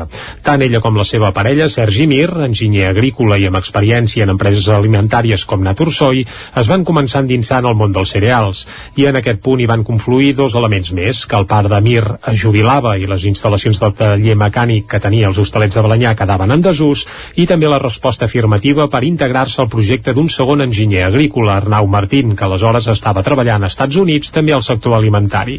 I de la confluència d'aquests factors va néixer Avancat Viu i amb ella la marca comercial Síbia Cereals. El primer mes només van facturar 80 euros, però de seguida van anar tenint acceptació en botigues d'arbolaris i a granel i en un any, després de començar, han aconseguit comercialitzar 10.000 quilos de producte. Primer ho van fer a la demarcació de Barcelona, però de seguida també a Girona i a la resta del Principat. També han fet forat al País Valencià, al País Basc, a Madrid, a Galícia o a Andalusia. El seu fet diferencial és oferir un producte, a més d'ecològic, sense gluten i amb poc sucre i també d'elaboració a Catalunya. A les instal·lacions que tenen a Balanyà fan tot el procés de torrat, elaborat i envasat del producte. Actualment la planta produeix el 20% de la seva capacitat, dada que denota la capacitat de creixement que té l'empresa. Actualment no tenen cap més treballador. Sergi Mir i Arnau Martín es dediquen exclusivament al projecte. A més de la producció, Mir gestiona la part administrativa i Martín la comercial. Espaulella ho compagina amb la seva feina de metgessa i està al capdavant de l'àrea d'investigació i desenvolupament. Aviat ens faltaran dies per poder commemorar dies mundials. Ahir, sí. alerta, se celebrava el Dia Mundial de la Pizza, un menjar que alhora és també patrimoni material de la humanitat per la UNESCO. Per commemorar-ho i conèixer millor com es fa una bona pizza, vam anar a la Nona Jovita, a Taradell. Tot i l'aparent senzillesa d'una massa, el tomàquet, la mozzarella i altres ingredients de tota mena, la pizza diuen que és molt més que això. Ahir se'n celebrava el seu Dia Mundial i també es complien 5 anys de la declaració de la pizza napolitana i de l'art dels seus elaboradors com a patrimoni immaterial de la humanitat per la UNESCO. La pizza és evident que traspassa fronteres. Amb una bona base, el que vingui després, però depèn de cadascú, ho explica Nil Curiel, que és el propietari de la nona Júbita de Taradell.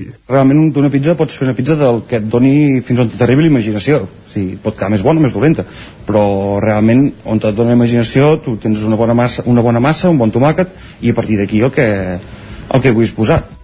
I dins del món de la pizza, dos debats. El primer sobre si agraden més els sabors clàssics, que sempre són una assegurança, o les noves propostes que restaurants com la Nona Jovita presenten, com és el cas, atenció, eh, fan pizza de pop a la gallega i també de calamars en salsa, que es veu que tenen molta acceptació entre els joves.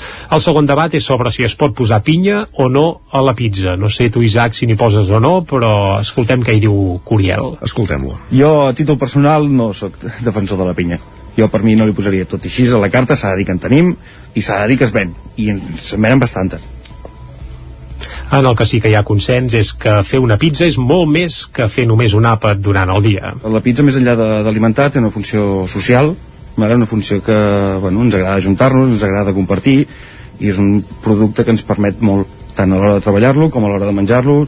Podem venir quatre, fer quatre pizzas diferents i menjar un quart de cada pizza. És una cosa que és, resulta molt fàcil. Amb aquest Consell i si ahir no en vau menjar encara sou a temps de demanar-ne una i amb un dia de retard doncs celebrar el Dia Mundial de la Pizza, que recordem-ho, va ser ahir i per cert, diumenge també serà el Dia Mundial de la Ràdio, eh? Per dies mundials Correcte, no quedarem. no quedarem. Uh, les pizzas són bones. I tant. Uh, el poble gallega també i els calamars en salsa també, però des del meu punt de vista cada cosa al seu moment. En fi, va, som-hi, més qüestions i acabem parlant de Carnaval. Caldes recupera la Rua del Carnestoltes després de dos anys. El dissabte 26 de febrer les disfresses tornaran a desfilar pels carrers de la vila. Caral Campàs, des d'Ona Codinenca. Si fa unes setmanes Caldes de Montbui recuperava el Sant Antoni després de suspendre'l l'any passat per la pandèmia, ara toca el torn a la Rua de Carnestoltes. Com habitualment hi haurà concurs de disfresses l'Ajuntament ja ha obert la inscripció per participar-hi. Enguany hi haurà tres categories de premis en funció de la xifra de participants de cada comparsa. El programa d'actes ja està definit i començarà a les 4 de la tarda amb l'estacionament de les carrosses al carrer Maria Aurelia Capmany davant de l'Escola El Calderí i l'Institut Pic del Vent. A tres quarts de cinc està prevista l'arribada dels participants a la pista del Parc del Bugarai on un quart d'hora després es farà el lluïment i l'exhibició de les disfresses. Finalment a les 6 de la tarda arrencarà la rua que enfilarà l'Avinguda Pimargall, pujarà pel carrer Major i baixarà per Vallit fins a la plaça de la Font del Lleó, on es lliuraran els premis i es cremarà el ninot de Carnestoltes que estan elaborant els alumnes del taller d'art municipal Manolo Huguer. La festa acabarà amb música de punxadisc. Gràcies, Caral. Acabem aquí aquest repàs informatiu que començàvem a les 10 en companyia de Caral Campàs, Jordi Sunyer, Isaac Muntades i Núria Lázaro. Moment de conèixer la previsió del temps. Casa Terradellos us ofereix el temps. I per tornar a saber el temps que ens espera per les properes hores, saludem de nou, com sempre, en Pep Acosta. Hola, molt bon dia.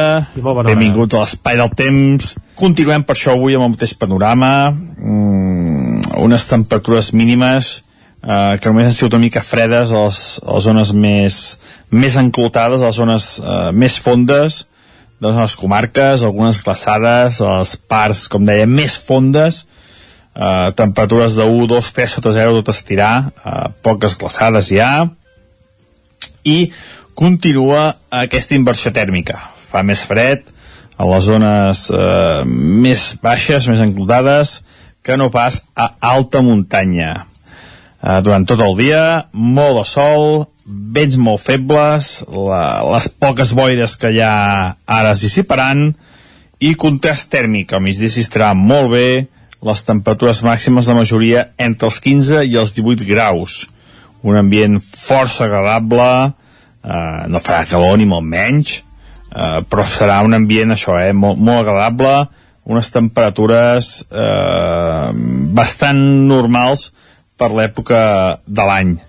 Sembla que a partir de demà eh, tindrem més núvols, alguna precipitació cap al Pirineu, eh, veurem com va tot plegat, eh, però no gaire pluja, eh, això, no, no, no, no us espereu aquí a 40 dies de pluja ni molt menys, però sí que hi ha un canvi de dinàmica, eh? per fi sembla que les coses canvien una mica, aquestes peces es mouen i tindrem una mica més de moviment meteorològic. Ja va bé. Els pròxims dies anirem concretant com serà aquest moviment. Moltes gràcies i fins demà. Adeu. Vinga, que vagi molt bé, Pep, moltes gràcies. Estarem al cas d'aquests canvis que sembla que s'atansen, però ja ens avises que tampoc ens hem de fer gaires il·lusions, per tant, Isaac... No ens eh, emocionem. Això, no ens emocionem gaire. Eh, Ens Emocionats o emocionarem, no? ens emocionarem, sí, amb els llibres, amb la literatura, Exacte. amb la Teresa Saborí, tot seguit a l'entrevista. Va, Aquí anàvem. som-hi. Casa Tarradellas us ha ofert aquest espai. Territori 17. Envia'ns les teves notes de veu per WhatsApp al 646 079 023. 646 079 023. WhatsApp Territori 17.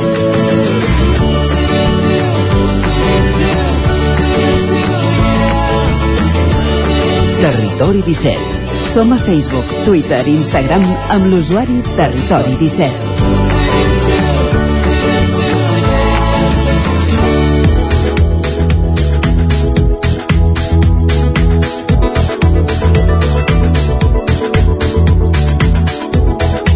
Doncs com els avançàvem, l'escriptora gorbetana Teresa Saborit presenta una nova novel·la, Barcelona, la Rosa i el Drac. L'obra sorgeix d'un projecte de l'autora que va rebre el Premi Talent Cambra 2020 en la modalitat de relat. La protagonista és una gimnasta d'elit que ha de competir als Jocs del 2016 i que veu trencada la seva progressió per un accident de la seva mare, que la deixa amb amnèsia. Teresa Saborit, bon dia. Bon dia. Uh, això, expliquem que estàs en fase de prepromoció o de promoció ja d'aquesta nova novel·la. Fes-nos cinc cèntims una mica d'on prové tot plegat la història i, i una mica el, fins on podem arribar fins no, per no fer spoilers també. Doncs aquesta novel·la va néixer durant el confinament estricte pel tema de la pandèmia, que ens van tancar tots a casa al març del 2020 i per tant nosaltres els escriptors i tot el sector editorial estàvem allà amb tot pendent per Sant Jordi i tot es va cancel·lar. Uh -huh. I per tant, davant de la impossibilitat de sortir de casa, jo vaig voler escriure una novel·la que ens fes sortir de casa. Per tant, se'm va acudir aquesta història que passa a Barcelona i que sobretot el que volia era respirar per tota la ciutat durant un any, trepitjant carrers, eh, rememorant records, visitant llocs, i per tant hi ha aquesta gimnasta que per recuperar els records de la seva mare haurà de voltar per tota la ciutat de la mà d'un fantasma que la tira. Molt bé. Barcelona, la Rosa i el Drac, això ens aboca a Sant Jordi. Quin paper hi juga la diada de, del llibre i de la Rosa en, en la història? Uh, doncs suposo que és uh, que hem de ser protagonistes de, de la nostra vida, no? Per tant, la Jana uh, tenia un futur planejat, que en el seu cas era ser participant als Jocs Olímpics del 2016, i de sobte li passa un tsunami per sobre i tot desapareix, no? Eh, que és una mica com una metàfora de la pandèmia, no? Que tot també de sobte va desaparèixer el futur que teníem, no? Uh -huh. I per tant es tracta de què hem de fer quan el futur desapareix, com ens hi encarem, com hi plantem cara, i això és el que fa la Jana i també el que fa el fantasma que l'acompanya. Uh -huh. Ara entenem que estàs això, en la fase de, de promoció d'aquesta novel·la. Se'n va fer una presentació en una llibreria de Vic, a la Foster Wallace, el passat de desembre. Eh, quin és el recorregut que, que ara ha de tenir aquesta, aquesta novel·la?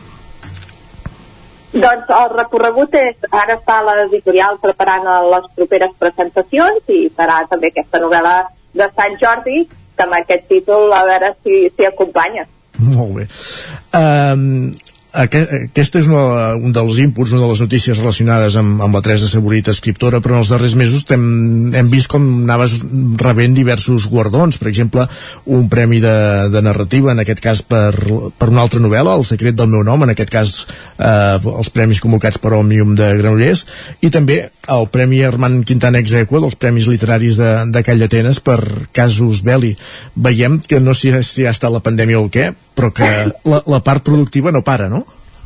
No, clar, és que vull dir, els escriptors no, no, no parem mai, vull dir, de vegades els projectes eh, surten i de vegades passen més temps tancats en un calaix, però sí, sí, el 2021 a nivell de premis ha, ha estat molt, molt bo, vull dir, perquè al final són tres llibres que estan publicats, són procés de ser publicats i no sé si arribaran tots tres per Sant Jordi, de moment hi ha un d'assegurat, els altres dos potser arribaran una mica més tard, però sí, sí, uh Mhm. -huh. és una bona anyada. Molt bé.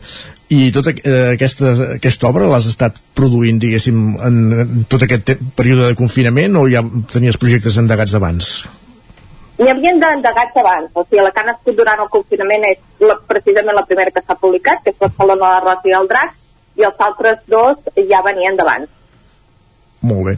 Fem cinc, ens fa cinc cèntims d'aquestes altres dues novel·les. Comencem, per, per exemple, per aquesta que, que et comentava amb la, El secret de, del meu nom, com dèiem, que va rebre el Premi de novel·la del Vallès Oriental, el 32è Premi de novel·la del Vallès Oriental, convocat per Òmnium del, del Vallès.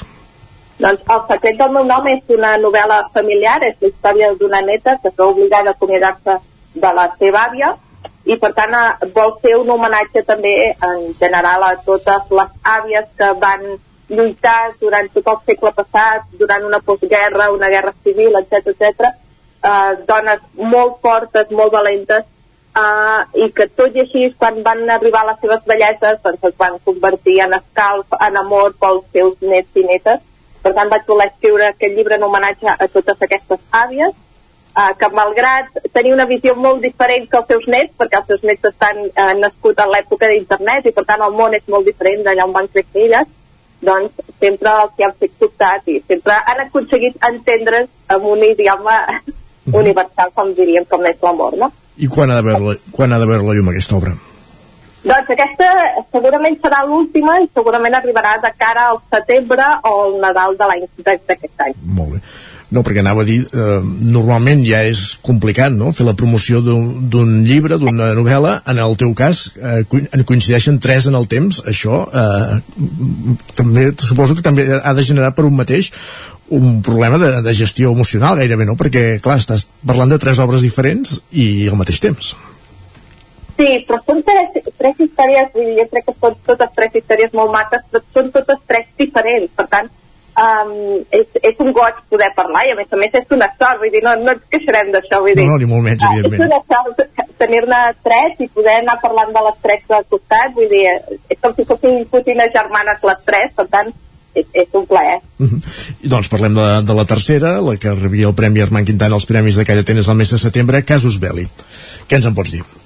Doncs Casus Belli està ambientat en el sector editorial català, té dues protagonistes, una és una escriptora que li roben un manuscrit i que el publica una autora supervenda, i l'altra és una petita editora que ja està molt cansada de que les grans editorials sempre copin tots els espais mediàtics, físics i de vendes, i per tant les dues eh, emprenen una lluita, una batalla, una guerra per recuperar el que creuen que és seu, i d'aquí el títol, Casus Belli, que al final és una llatinada que vindria a ser així com declaració de guerra, no? Uh -huh. Perquè hi ha aquestes dues protagonistes que planten cara i decideixen lluitar pel que creuen que els pertany. Mm. Doncs, com dèiem, tres novel·les publicades o que es publicaran en breu al llarg d'aquest 2022 de, de Teresa Saborit eh, l'activitat de la Teresa com a escriptora és aquesta, però també no pares, diguéssim, en l'àmbit de, precisament del foment de l'escriptura i del foment de, de la lectura, diguéssim, perquè aquesta és una de les teves activitats del dia a dia també, no?, d'anar organitzant activitats per, per això, per fomentar, per fomentar l'escriptura, per mm, generar nous escriptors i per mantenir aquest hàbit de la lectura. Sí, sí, sí, jo, jo també tinc una branca més a més activa que és de, de gamificació de projectes literaris, que vol dir aplicar tècniques dels jocs a, a, a obres, a lectures, a escriptura, etc etc. i per tant vaig fent projectes d'aquests. Un és, per exemple, a la web de vullescriure.cat, que és un portal de creació literària, que aquest any precisament hem celebrat els 10 anys, perquè vam començar l'1 de gener del 2012, per tant hem, hem acabat de fer els 10 anys amb tots els escriptors de la web, i d'altres projectes que van sortir. Per exemple, l'any passat vam fer aquí a Vic el joc de pistes de Sant Jordi eh, per ser una alternativa a la llegenda que normalment es feia a la plaça Major, però que la pandèmia no va eh, permetre fer i també vam organitzar el joc de pistes i crec que als nens i a les famílies que van participar els va agradar bastant. Uh -huh. Es repetirà aquesta activitat aquest any? Bueno, de, haurem d'anar veient. Estem, estem preparant Sant Jordi a, no, no es poden avançar els esdeveniments, que això seria fer spoiler. Molt bé. De fet, tindràs molta feina a signar llibres, no, per Sant Jordi, en teoria, si n'hi ha eh, oh. do, dos al mercat. Tant de bo, tant de bo, ja ho anirem veient, això també. I amb què estàs treballant ara? Ja estàs preparant nova obra, nova obra o ara estàs més en, en fase d'això, de, de, de baixada, de relaxació, de, relaxació no, no seria la paraula, tenint en compte l'activitat que, eh, que dus a terme, però diguéssim, per la part d'escriptura ara estàs aturada o ja estàs treballant en nous projectes? Jo sempre tinc algun nou projecte, vull dir, tots aquells escriptors que no pot parar d'escriure, per tant estic en una nova novel·la eh, que està ambientada també en, en el món aquest de, de l'esport femení, que seria també com una mica el món de Barcelona i la Rosa i el Drac, però amb una altra disciplina i amb un altre protagonista.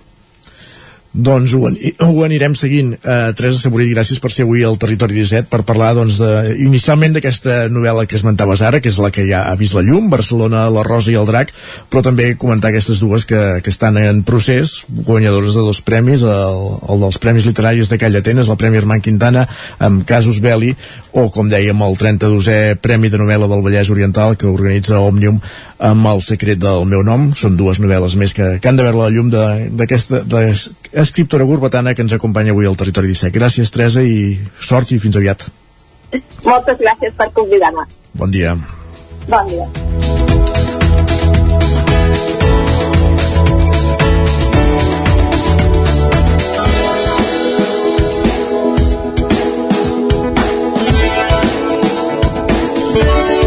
Arribat a aquest punt, com cada dia farem una pausa just després de l'entrevista per tornar al territori 17 a partir de dos quarts d'onze amb la resta de seccions del dia. Les pilades amb en Guillem Sánchez. Passarem per la taula de redacció avui en companyia de Guillem Rico i Jordi Vilarrodà. També eh, anirem a la plaça, a Monza.cat i la Maria López des de Ràdio Televisió Cardedeu i el tombà de les 11 després de les notícies més continguts al Territori 17 ens acompanyarà la Cristina Fruns amb, unes, amb les paraules del dia, amb correccions lingüístiques i acabarem el programa passant per la R3 des de la veu de Sant Joan amb l'Isaac Muntades recollint les cròniques dels usuaris de la línia i al cinema. Anirem al cinema amb en Gerard Fosses i amb Joan Garcia des de la veu de Sant Joan també per conèixer la cartellera del cap de setmana a les nostres comarques. Tot això, com dèiem, aquí al Territori 17, una pausa de 3 minuts i, i tot aquest menú amb vosaltres. Fins ara mateix. El nou FM, la ràdio de casa, al 92.8. Cobertes serveis funeraris.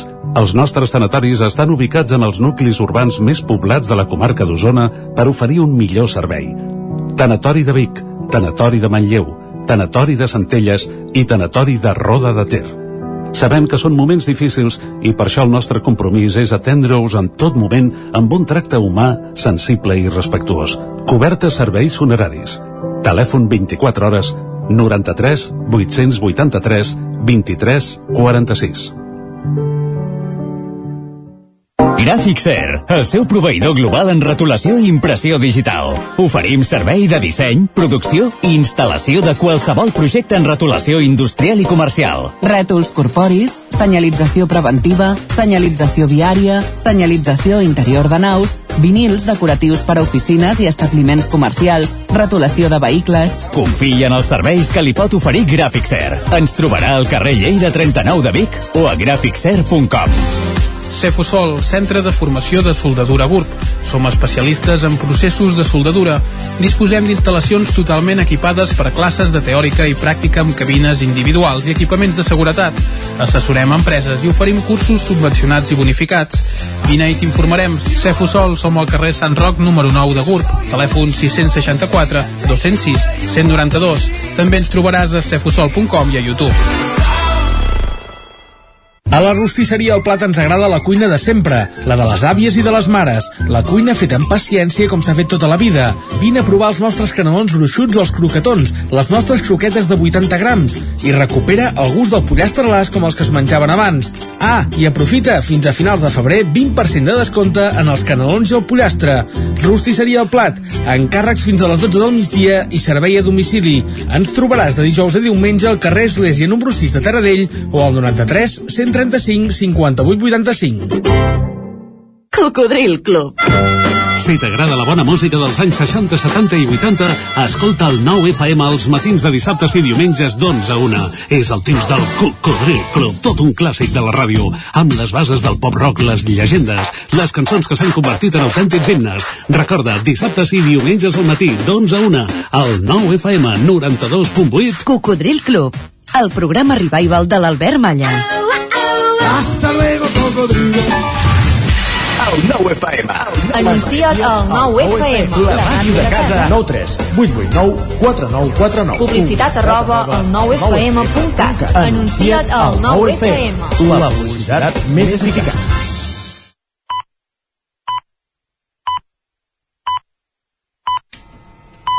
En punt dos quarts d'onze al territori 17.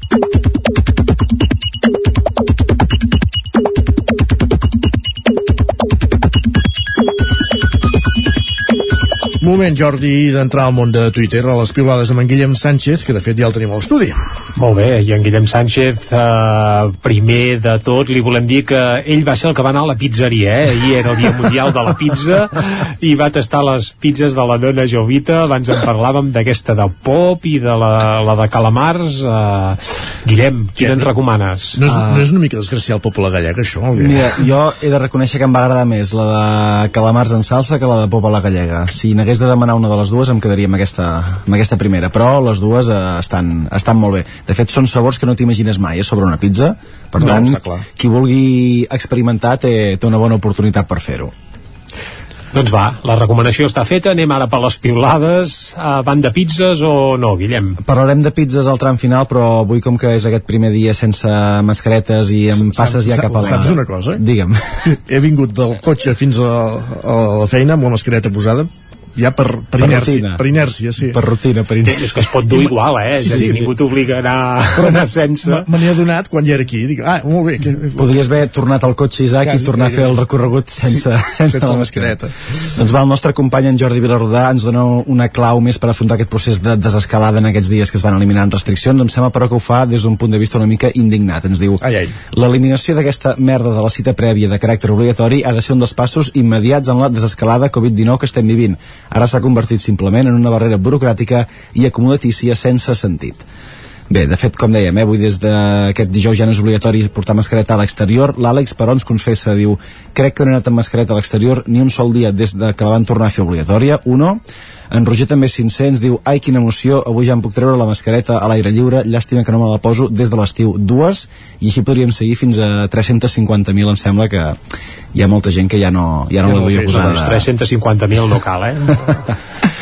Uh, avui també és dia important per l'oci nocturn que pot tornar a obrir portes I després tant. del darrer tancament, tot i això per xarxes ens recorden que també s'han de complir amb unes normes i aquestes són dues, diu avui rebran les discoteques amb els únics requisits de portar mascareta un i no quedar-te dormit abans de les 12 dos que també és un, és un gran requisit si, si vols gaudir de... Com sempre, allà dintre tothom farà el que li roti amb el beneplàcit de tothom. En Perquè, perquè estàs bevent, quan s'està bevent, Exacte, en sí, sí. teoria es pot anar sense mascareta. Sí, sí. I de fet de veure va el següent tuit perquè en Roger ens escrivia també ahir sobre aquesta qüestió, ens diu demà torna a l'oci nocturn, diu recordeu beure aigua abans d'anar a dormir. És important, és important per treure el gust de- d'altres substàncies, no? Va, recollint l'estela del primer tuit que hem destacat avui ens recorden que encara hi ha processos i realitats que no s'acaben d'ajustar a l'aixecament d'aquestes restriccions que comencen Avui mateix ens escriuen obrirà fins i tot l'oci nocturn però seguiran les restriccions per accedir als serveis públics amb obligatorietat de cita prèvia, sense atenció presencial, prohibint a la ciutadania l'accés a molts edificis of- oficials. Diu, perquè així es viu millor, oi? Administració? Bé, una pregunta que deixen a l'aire que de moment em sembla que ningú encara li ha... I en Jordi Vilarrodà també s'hi puntaria amb aquest piulet, eh, segur. podrien quedar per fer, per fer un cafè tranquil·lament amb, amb el que ens ha escrit a, aquest tuit. I de fet, eh, no sé si també tenim temps per poder parlar una mica d'aquesta empresa que hi va donar ahir, ahir va anunciar, perdó, que donava festa als empleats aquest divendres perquè puguin gaudir de l'oci nocturn. No sé si estàs al cas, tu, Ah, Jordi. no, no, gent, gens al cas, quina empresa és? Uh, es veu que hi van sortir per tots els programes i per totes les plataformes uh, possibles, són els de Ratafia l'Hòstia. Ah, Doncs es veu que van anunciar això, eh, que de cara a aquest divendres eh, dia 11 donaven festa als seus treballadors. Eh, Isaac, com ho, com ho valores aquesta, aquest dia de festa? No, el dia de festa em sembla fantàstic. Jo el que, jo el que al·lucino és la campanya de publicitat que, que han aconseguit fer aquesta gent amb una xorrada com aquesta. En fi, i Bé, que, tots de dubto que grapes. siguin gaires treballadors a Ratafia l'hòstia, eh? per tant tampoc És implicarà I d'altra banda, festius. ells fan festa i, per exemple, a Can Bosch fan ratafia, ja està. És una, és una lleugera diferència. Queda dit, no? Queda dit.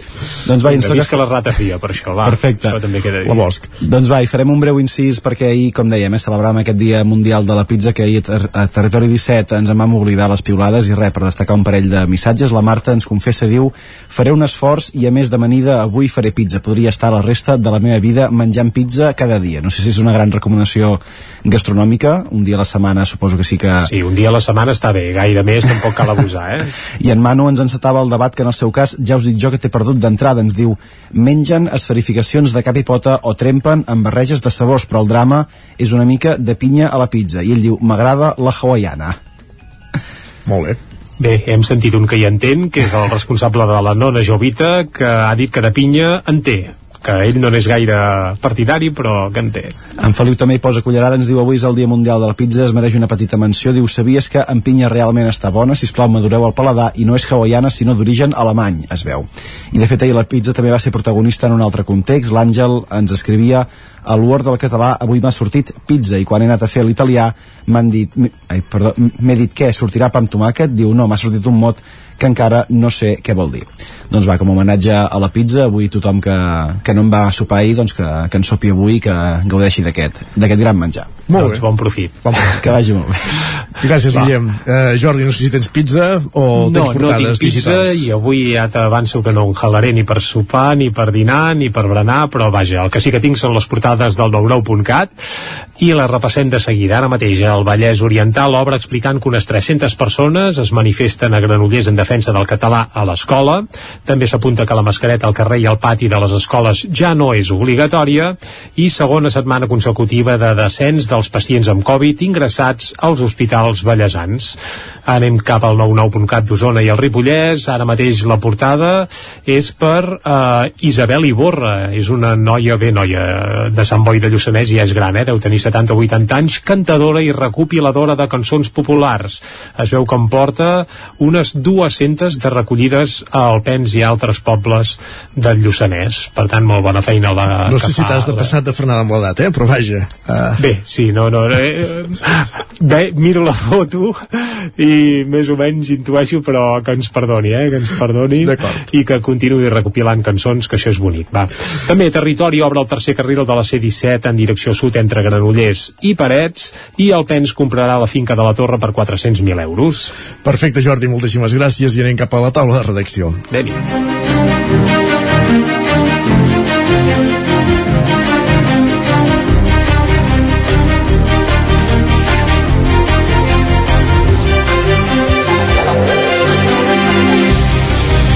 Taula de redacció avui amb Guillem Rico i amb Jordi Vilarrodà. Amb una primera connexió a l'exterior anem fins a Roda de Ter, allà, com dèiem, hi ha en Guillem Rico, al peu del canó, on aquest matí hi havia previst, o hi ha programat un desnonament. Guillem, bon dia. Hola, bon dia. Doncs sí, estava previst a les 10 del matí, és aquí al carrer d'en Santiago Ramon i Cajal de, de Roda, hi havia alguns membres de, de la PA, poquets, hi ha 4 o 5 persones aquí fora a l'espera de veure què passava per intentar aturar-lo, aquest era el segon avís que, que feien en aquesta, en aquesta família, és una família amb, amb tres fills eh, menors, eh, que estan en aquesta casa ocupada que haurien adquirit també eh, amb aquests processos que es fan eh, de venda de, de claus. Per tant, ells haurien aconseguit aquesta clau fa un parell d'anys que, que estan eh, a Catalunya i bé, estava previst per les 10, ara fa una estoneta els han avisat que, que vindria la comitiva judicial a les 11, eh, no s'ha suspès, això ho porta, eh, l'habitatge és del BBVA, això ho porta una empresa que es diu Blackstone, que tenen com una, una altra mm, empresa, subempresa, eh, que és qui ha posat la demanda, que és Coral Homes, que és qui reclama la, la propietat, i llavors el que eh, això, vindran sense policia i per tant aixecaran l'acte, eh, però negociaran, eh, diguem, el,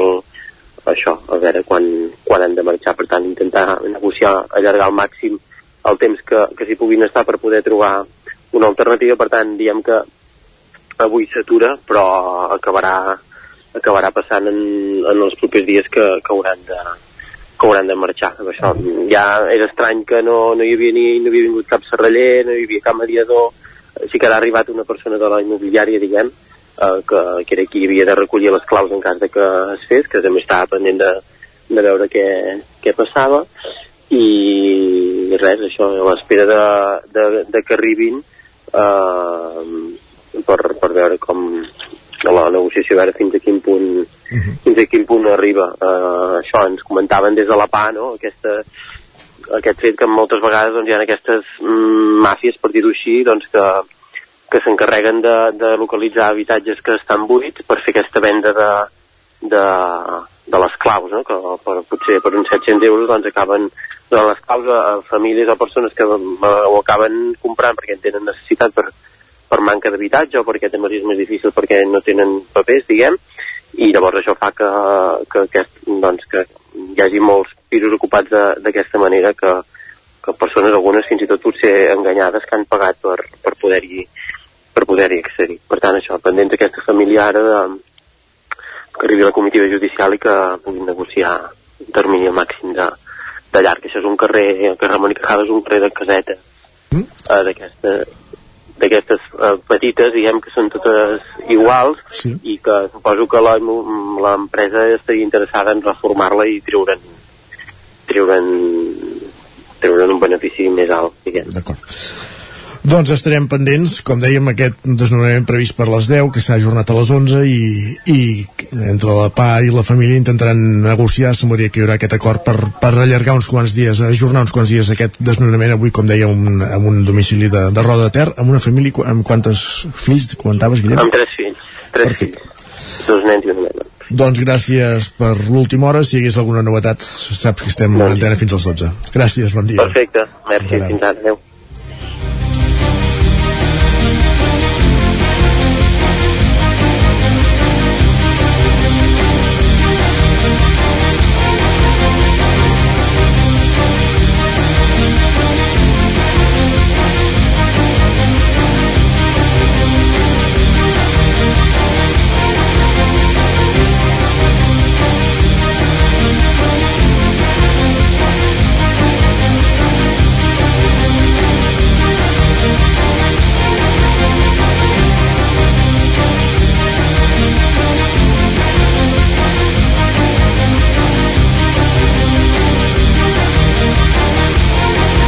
Des de la taula de redacció, com ja hem explicat abans, el que farem de seguida, tot seguit, és anar cap a la plaça, l'espai que cada setmana mm, per, tractem temes de nova economia en companyia d'11.cat des de Ràdio Televisió Cardeu amb la Maria López i avui un programa que dedicarem a les criptomonedes. Com dèiem tot seguit, al territori 17 anirem fins a la plaça, eh, com dèiem, en connexió amb Ràdio Televisió Cardedeu, per parlar de- d'una de, de les qüestions que, que està candent a molts a moltes llars de, de casa nostra, com és el, les criptomonedes. Val la pena jugar-hi o, o comprar-ne? Doncs en parlarem tot seguit a la plaça. Territori, Territori 17. 17. Territori 17.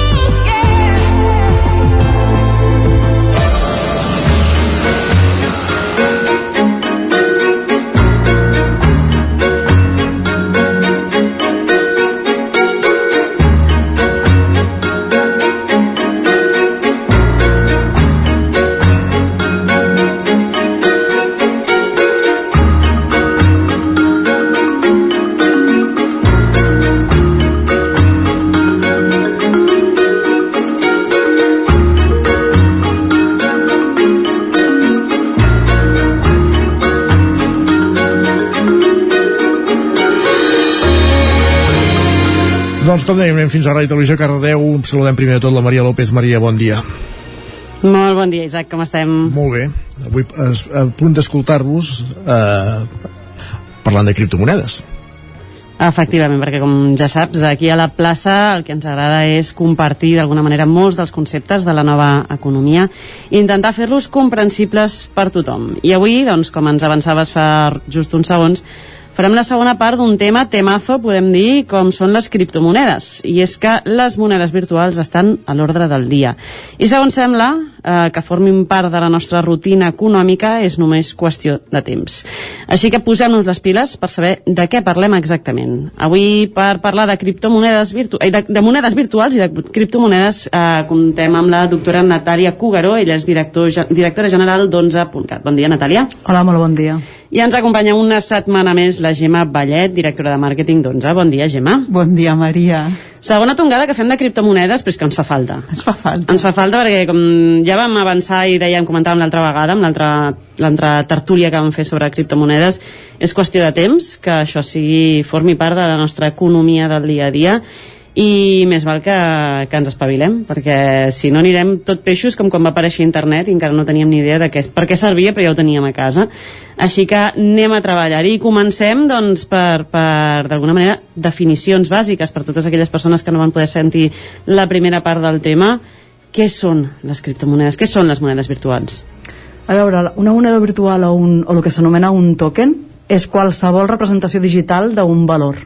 Val? És a dir, qualsevol, per exemple, comunitat podria crear el seu propi token i realment decidir que allò té un valor i que dins d'aquella comunitat serveix per adquirir uns béns i uns serveis. Per tant, em permet acumular-los, em permet fer d'unitat de compte, em permet valorar béns i serveis que tenen un valor dins d'aquella comunitat, on la gent està d'acord de fer-lo servir com a mitjà d'intercanvi de pagament.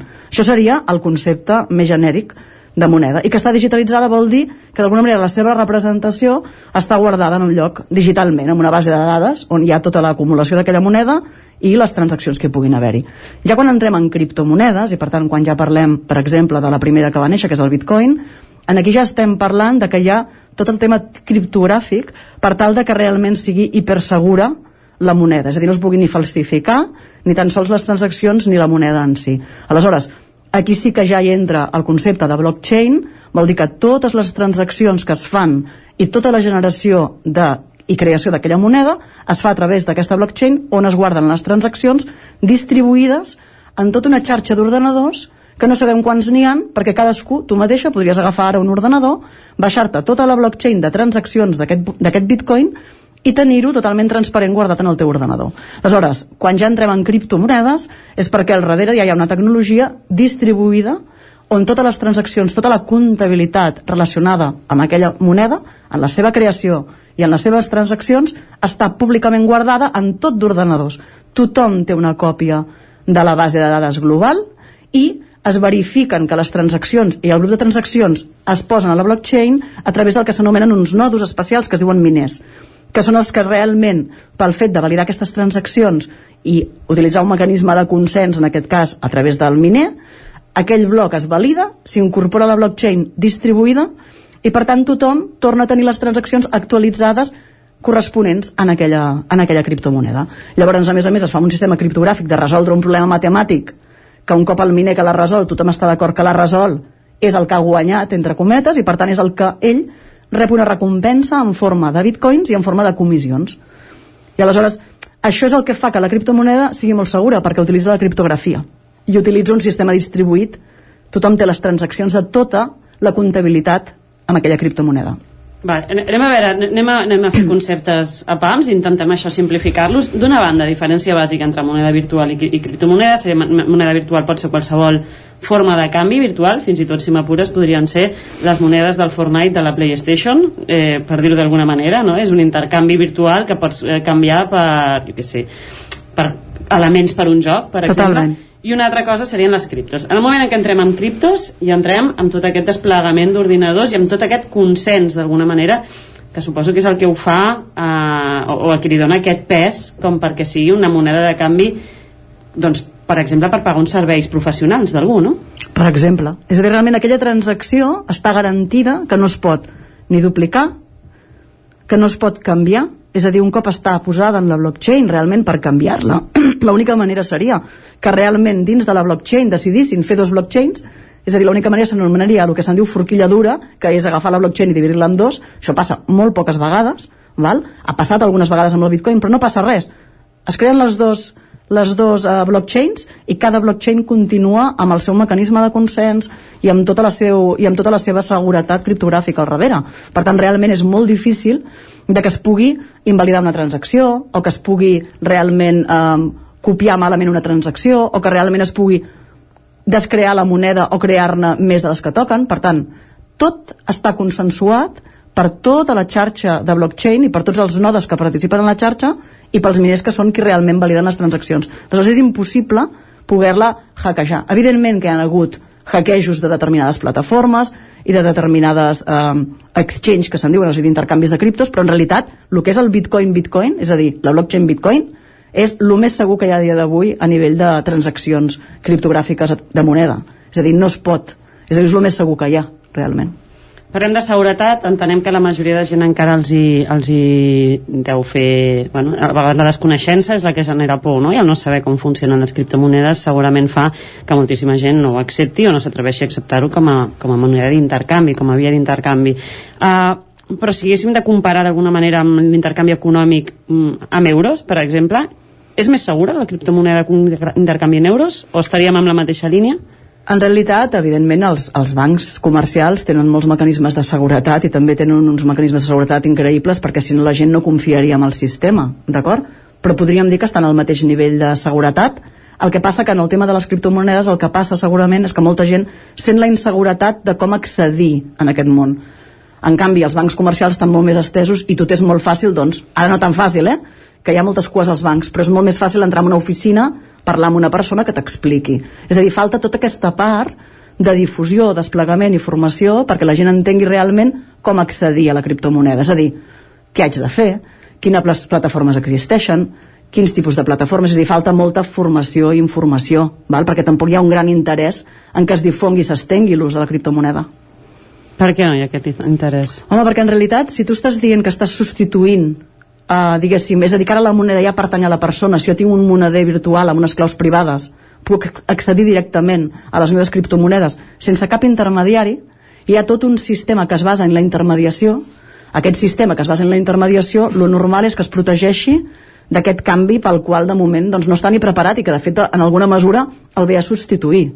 És a dir, o a complementar. Per tant, qualsevol canvi, que a més a més és, uh, és important en aquest cas, perquè és un canvi de paradigma molt important, és fer a la gent propietària dels seus diners, val? el teu compte és teu, els diners que hi ha dins són teus, tens les claus privades tu, per tant, té tot el risc, però també tot el, el benestar que et proporciona que hi accedeixes només tu. Normal que els intermediaris del sistema això doncs s'han de reajustar aquí dins, no? Aquesta seria la gran avantatge, per exemple, si diguéssim quina... T'han a preguntar, no? Jo com a professional, si haig de fer una factura, quin avantatge tindria que decideixi que aquest pagament me'l facin amb, amb criptomonedes respecte a si em paguen en euros? Tenim algun avantatge o és simplement una alternativa? Realment, eh, per mi té avantatges i dir, també també tindria inconvenients, segurament a curt termini, eh, perquè tot això s'està s'està implementant, per tant, en aquest sentit tens més inseguretat no? que no pas amb, un, amb, unes, amb altres aspectes molt regulats. Uh -huh. Però tens l'avantatge de que en realitat aquells diners estan dins d'un moneder virtual que és teu. Per tant, aquells diners que tu t'han pagat amb criptomonedes, que la gent parla del bitcoin, eh? perquè el bitcoin és l'actiu que els últims 10 anys ha pujat més de valor de manera sostinguda. És volàtil a curt termini, però si el mires a llarg termini i mires any rere any, a llarg termini no és volàtil, és volàtil a curt, però també podries dir, si tu em pagues el sou a dia d'avui en bitcoin, et valoraran el teu sou amb el valor del bitcoin d'avui respecte a l'euro, per exemple. Per tant, t'estan pagant el sou que tu tens. Si tu agafes aquest, eh, aquests bitcoins i una part els transformes amb una criptomoneda estable, que també n'hi han, representa que ha la paritat amb, el, amb la moneda fiat que sigui, l'euro o el dòlar, és exacta. Per tant, tu en realitat pots protegir-te de la volatilitat a curt. Però en canvi una part del bitcoin igual el pots guardar a llarg termini i estalviar en bitcoin Uh -huh. en comptes d'estalviar amb algun altre tipus, amb euro, per exemple, no? Que tothom sap que l'euro va perdent valor el, al llarg del temps, o el dòlar. Que tothom D'una- sap d'un any a l'altre, que va perdent... any a l'altre va has perdut valor. una part del teu sou si els tens Clarament, el que passa que ho perdem tant de mica en mica que moltes vegades ens en donem compte de cop un dia, perquè fas una cosa i dius, ostres, és que no arribo. I dius, com pot ser, no? Perquè el meu sou ha anat pujant amb l'IPC, però clar, l'IPC no representa la inflació ni la inflació a nivell de, de béns de consum, però tampoc la inflació a nivell de capacitat d'inversió. Que la gent això no ho mira, però cada vegada som menys capaços d'invertir en béns que realment ens aportin un, un guardar el valor. És a dir, cada vegada podem comprar menys pisos, hipotèticament, no? o menys places de pàrquing, no? o menys res. És a dir, cada vegada tenim menys actius que ens generin valor al llarg del temps. Aquesta volatilitat és la que faria potser que, que no sé si és recomanable o no, eh, però fer servir el bitcoin per l'economia del dia a dia amb bitcoins i anar a comprar el pa potser és més arriscat, no? Aquesta economia de la compra o de la gent que no pot estalviar i, i viu amb el, amb el sou de cada mes es dificultaria fer-la amb bitcoins pel fet de, de que igual avui et queden mm, 100 euros al compte que en bitcoins serien X i demà igual ja no i ja no m'arriba ara per comprar la verdura, no sé, eh? Aquesta pregunta la trobo molt interessant perquè en realitat la gent es pensa que això és una matèria exclusiva de les criptomonedes. És a dir, i sí que ho és, perquè en la nostra economia, en el nostre entorn, no tenim una inflació o una... O sigui, la nostra moneda no es devalua eh, a una velocitat molt alta, és a dir, en realitat es va devaluant, no? però no ens en donem compte. Però en realitat hi ha altres països en què això ja ho estan patint amb la seva pròpia moneda. És a dir, en realitat estem acostumats que l'euro tingui una certa estabilitat, però hi ha altres monedes que no en tenen cap ni una i que realment poden sofrir eh, canvis de valor molt grans respecte al dòlar, que al final és com es mesuren. Aleshores, aquests països ja s'estan plantejant que prefereixen el bitcoin que la seva moneda. Clar. Per tant, això dependrà molt de la situació de cadascú.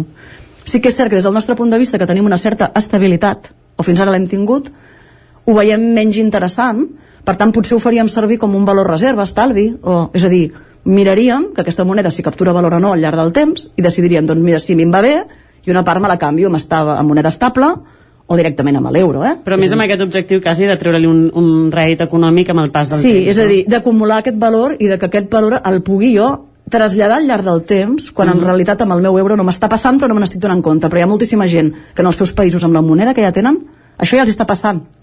Per tant, ja no ho veuen tant, no veuen tant la diferència, no? Sí, val, el bitcoin és molt volàtil, però és que la meva moneda realment mai sé què valdrà, perquè em paguen el sou i realment l'endemà, respecte al dòlar, que és la realitat, perquè és el que té un valor que algú li assigna, la meva moneda canvia molt de valor. Per tant, m'estan pagant el sou amb una moneda que no té l'estabilitat de, de l'euro, per exemple. Val? Per tant, sí, és, és trobar l'estratègia híbrida suficient de cadascú, però en realitat el sou quan te'l paguen a dia d'avui? Te'l paguen a dia d'avui el valor d'avui amb alguna mesura de valor, no? Correcte. Uh, com a professional, jo com puc d'alguna manera valorar, uh, suposem que jo sóc arquitecte, no?, i que decideixo em fan una proposta i em diuen sempre et pagarem en bitcoins. I d'entrada m'agafa així, mm, mm, com va això, que no ho he fet mai, no? Com puc uh, revalorar el me la meva feina o com puc convertir això per poder dir doncs la meva feina val tant, tants bitcoins? Clar, això que, que m'estàs preguntant és a dir, realment és, és, és utilitzar molt la creativitat, eh? perquè com a tal, és a dir, no, no existeix, uh, no existeix. És a dir, estem, ho estem creant, val? per tant et donaré una mica l'opinió que jo tinc respecte al que jo faria si m'ho demanessin, perquè no hi ha un mètode de dir com valorar el meu sou en bitcoins, Mhm. mm -hmm. diguéssim, no. És una, és una cosa interessant a, a pensar. Aleshores, segurament seria mirar, és a dir, mirar l'evolució del bitcoin, mirar quina part del sou realment necessites pel dia a dia, per tant aquesta te l'han de pagar sí o sí, i tu l'hauràs de convertir en una moneda que et permeti fer les teves transaccions del dia a dia, i després veure fins a quina mesura tu el teu variable el vols fer més arriscat o menys. És a dir, totes les parts de la feina moltes vegades tenen un part de variable a resultat, no? Doncs aquesta part de variable a resultat sí que et pots com arriscar una miqueta més a posar-lo en una moneda que t'haig de dir que en bitcoin i ether de moment han acumulat valor al llarg del temps a mig llarg termini, per tant en principi t'estaries arriscant relativament perquè sí que a curt la gent diu hem perdut el 50%, sí, però si ha posat un 200 abans Clar. depèn a quin moment l'has comprat Val? Si el compres ara sí que per tu el compro avui i demà val un 50% menys, imaginem, però si tu l'has comprat fa un any i l'has tingut un any, per tant això a tu no t'ha afectat. Per tant, seria més que tu creativament miressis el valor al llarg del temps d'aquesta moneda i diguessis, aquesta part petita, com que és un variable, doncs mira, igual que me la paguen amb accions d'una empresa, a vegades quan sóc un directiu, no? o quan sóc un professional que estigui intervenint en una empresa que, que, que neix, també em deixo pagar amb, amb, amb termes més arriscats, doncs ho podries fer exactament igual, tenint en compte que el risc ja et dic, eh? És a dir, és un risc relatiu amb criptomonedes més eh, solvents o, o que porten més temps en el, en el criptoespai, no? Ens podem anar trobant cada cop més aquesta situació, que les empreses diguin, mira, jo et pago un criptos mm, si vols bé i si no, doncs en busco un altre. I tant, és que hi ha moltes empreses que de fet ja et deixen comprar els seus productes en, en bitcoin, eh? A altres països, potser que no hi estem tan habituats, però amb tot aquest món tecnològic, o fins i tot amb compra de metalls preciosos, no? Que parlàvem comprar or, comprar... Mm. És a dir, hi ha moltes empreses, per exemple, a Suïssa, que realment et deixen pagar en bitcoin a l'or. O sigui, realment... Per tant, ja ens existeix això, trobar, ja eh, amb pots això pagar, eh, comprar or en bitcoin. I ens podem trobar al revés, no? Que una empresa ens digui, no? si em vols... Eh, jo només pago en bitcoins, si vols treballar amb nosaltres, per exemple, sí, sí, algú que fos molt tecnològic o que estigués en aquest món, no, el criptoespai, per exemple, que només et donin aquesta possibilitat és complicat, perquè és veritat que l'adopció no és gen generalitzada, però en entorns, per exemple, jo què sé, per posar-te un exemple que, que em ve al cap, empreses que es dediquen als, als que s'anomenen els wallets freds, no? que són aquests pens que tu poses sí. i tens la cripto, l'accés a la cripto es fa amb un pen que està desconnectat d'internet, llavors això ja és super segur, val? perquè a més a més és que ja no estàs ni a internet. En aquest cas, aquestes empreses, tu pots comprar el wallet amb cripto, i ja no només amb bitcoin, sinó amb altres cripto que ja porten més temps en el criptoespai, no? jo que sé, amb Dogecoin o fins i tot amb Ether. I pots pagar aquests, aquests hardware, no?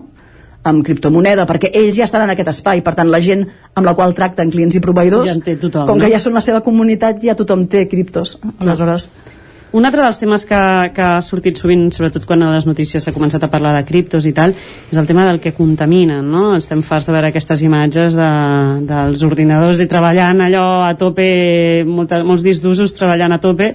Eh, no sé d'alguna manera si, si el, el, aquesta contaminació d'alguna manera pot perjudicar, si estàs d'acord o no amb que contaminen tant i amb aquesta afirmació que les pot perjudicar. Clar, jo el que, quan, quan em parlen de contaminació, eh, hi ha diferents vessants, val? En primer lloc, el fet de amb què ho comparen. És a dir, quan jo agafo el cotxe i em diuen el cotxe contamina molt, és perquè tinc un mitjà de transport alternatiu al cotxe, disponible, i que realment em permet arribar on haig d'arribar. I llavors jo comparo aquestes dues coses i dic això contamina més que l'altre. Sempre és una mesura comparativa. Aleshores, el bitcoin contamina. Primer de tot depèn de quina font d'energia fa servir. Ara han sortit empreses que minen bitcoins utilitzant, per exemple, em sembla que ho vaig mirar l'altre dia, FEMS de porcí. Aleshores, en realitat, clar, depèn de com minen els bitcoins, doncs la font d'energia és més o menys contaminant. És quilòmetre zero total. Oi que sí? Vull dir, això ja és. Aleshores, clar, això per, per, per un lloc, és a dir, d'on ve aquesta energia? Contamina com la resta de coses que utilitzen aquestes fonts més contaminants. Això per una banda, no? I per segona banda, per tant, s'incentiva que s'utilitzin fonts creatives, no? Com en la resta dels sectors, no només el, el, el minatge, de, per exemple, de bitcoin. Després també hi ha una altra part, que és amb què ho comparo, és a dir, què estic substituint? El bitcoin què vol substituir? Si vol substituir una moneda, que, com contamina l'altra moneda? Doncs no tenim dades. Llavors, clar, el sistema sempre el que intenta és desinformar o donar una informació parcial perquè realment s'exageri una cosa que és veritat, però és una veritat parcial. Aleshores, sí, clar que contamina, depèn de què fa servir de font d'energia i depèn amb què es compara o què substitueix. Jo hauria d'agafar la moneda, no? Com contamina la moneda comparada amb com contamina una cripto. Normalment tendeixo a pensar que en general un tema digital sempre contamina menys. Sempre tendeixo a pensar això perquè és el que està passant, per això volem digitalitzar-nos, perquè imprimirem menys paper, tot serà més ràpid, més fàcil, més òptim. Per tant, per què hem de pensar que en el cas de les criptos ha d'anar en contra d'això quan és una, és una cosa disruptiva, digital? Tendeixo a pensar això, però hauria de tenir la informació de la comparativa. Suposo que això serà qüestió de temps i de qüestió de, de que vagi evolucionant el món de les, de les criptos. Doncs parlant de criptos, encara em faltaria una bona estona, perquè crec que de les criptos haurem de fer encara una tercera part, se'ns han fet ja les 11, les companyes d'11, m'encanta aquest concepte de, de que m'acompanyeu fins a aquesta hora. Uh, Gemma, uh, de què parlarem dijous vinent a la plaça? Parlem d'or. D'or. Tornem amb l'or, eh? Tornem amb l'or. Tenim sí, segones sí. parts, que aquí necessitem... O sigui, els conceptes aquests necessiten el seu temps, els hem d'anar fraccionant i anar desenvolupant-los. Doncs moltíssimes gràcies, Natàlia. Gràcies moltíssimes a gràcies, Gemma. Ens Gràcies, veiem Maria. dijous vinent amb una nova secció de la plaça. Uh, us torno un relleu cap a Vic, companys, i ens veiem dimarts que ve amb el racó de pensar. Perfecte, i dijous que ve altre cop a la mina. Gràcies, Maria. Gràcies. I aplaudiments per després de la secció. Perfecte, avui ens hem posat el dia de les criptomonedes, dels bitcoins, i el que fem ara és posar-nos al dia de l'actualitat a les nostres comarques, a les comarques del territori 17. Territori 17, el 9 FM, la veu de Sant Joan, Ona Codinenca, Ràdio Cardedeu, Territori 17. Passen ara mateix pràcticament 3 minuts del punt de les 11. Territori 17, amb Isaac Moreno i Jordi Sunyer.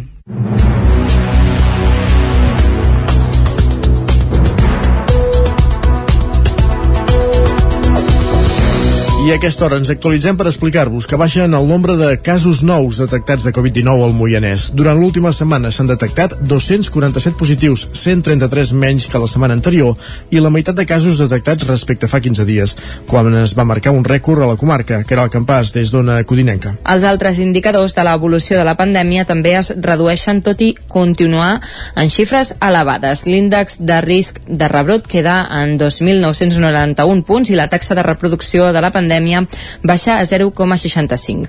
Repassant les dades per municipis es constata la baixada en la majoria de pobles. A Mollà continua la desescalada de casos nous amb 94 casos detectats l'última setmana, 100 menys que la setmana anterior. L'índex de risc de rebrot és de 2.230 punts i la taxa de reproducció queda en 0,49 punts. A Castellterçol es percep també aquesta davallada de casos. De fet, és la primera setmana que es redueixen els casos des de mitjans de desembre.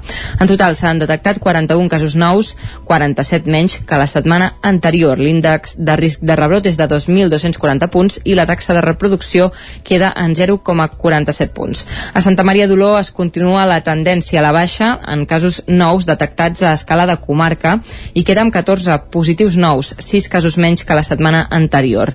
L'índex de rebrot és de 2.322 punts i la taxa arriba al 0,47 punts. A Calders la xifra de nous positius es redueix lleugerament amb 24 positius nous aquesta setmana, 8 menys que l'anterior. L'índex de rebrot és de 4.329 punts, el més alt de la comarca, i la taxa de reproducció arriba a 0,75 punts. En els pobles de menys de 1.000 habitants de la comarca, en canvi, augmenten casos a la majoria de pobles. És el cas de Castellcí, on amb 30 casos positius nous duplica els detectats la setmana anterior. Mentrestant, a l'estany Collsospina, Castellcí i Sant Quirze de Safaja augmenten augmenten lleugerament els casos respecte a la setmana anterior. Només a Monistrol de Calders es detecta una frenada de la propagació de la pandèmia i del Moianès cap a Vic perquè el ple de l'Ajuntament de Vic ha aprovat un plec de projectes de reurbanització i reasfaltat de carrers. Capgirem Vic hi vota en contra perquè preveuen que el reasfaltat eh, es farà massa prop de les eleccions de l'any vinent. També s'ha aprovat una actuació al carrer Botànic Miró que s'havia pactat amb Esquerra però que els republicans creuen que serà insuficient. L'Ajuntament de Vic ha aprovat inicialment dos projectes de reasfaltament de carrers, un en polígons industrials i l'altre dins la trama urbana, pressupostats en 460.000 i 360 60.000 euros respectivament. Les dues actuacions, però, no tenen dotació pressupostària per aquest 2022 i Capgirem Vic va votar en contra de l'aprovació qüestionant el calendari precisament de les obres que es podrien executar poc abans de les eleccions municipals del 2023. Escoltem per aquest ordre a Carla Dinarès de Capgirem Vic i Albert Castells, regidor de Manteniment i Serveis. I no ens sembla just que, havent tingut 4 anys per per programar aquestes, aquestes obres, facin esperar la ciutat fins a l'últim moment de la legislatura per treure-les del calaix només perquè a vostès els interessa és una tàctica més vella que el napeu. Si fos per nosaltres, demà mateix hauria les màquines al carrer. Evidentment necessitem eh, esgotar els terminis que, que demana l'administració. D'entrada és una proposició inicial, per tant necessitem les al·legacions, necessitem eh, esgotar aquests terminis. L'administració té aquests processos i no, no hi podem fer més que seguir-los. Un altre projecte que s'ha aprovat inicialment és el de millorar l'accessibilitat al carrer Botànic Micó, que comunica el barri de Santana amb la plaça Osona. S'hi destinaran 166.000 euros per millorar les voreres, les cruïlles i l'enllumenat.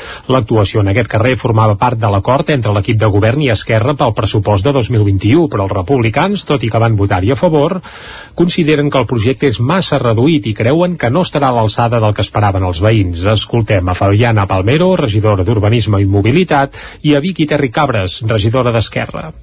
És un projecte que el que vol és aconseguir millorar la, la continuïtat de l'accessibilitat dels carrers i la circulació de vianants per la vorera sobretot, millorem cruïlles, passos de vianants, eh, l'enllumenat, arbrat, reestructurem l'aparcament eh, que ara mateix està en una zona que no està desenvolupada. Que és un projecte de que haurem de veure si és l'expectativa que s'esperava però sembla que potser han sigut més actuacions puntuals que no una reforma integral que és el que segurament es volia en una fase més avançada hi ha la reurbanització del carrer de la Fusina, a l'Eixample Morató, que s'ha aprovat definitivament sense que hi hagi hagut cap al·legació en el projecte.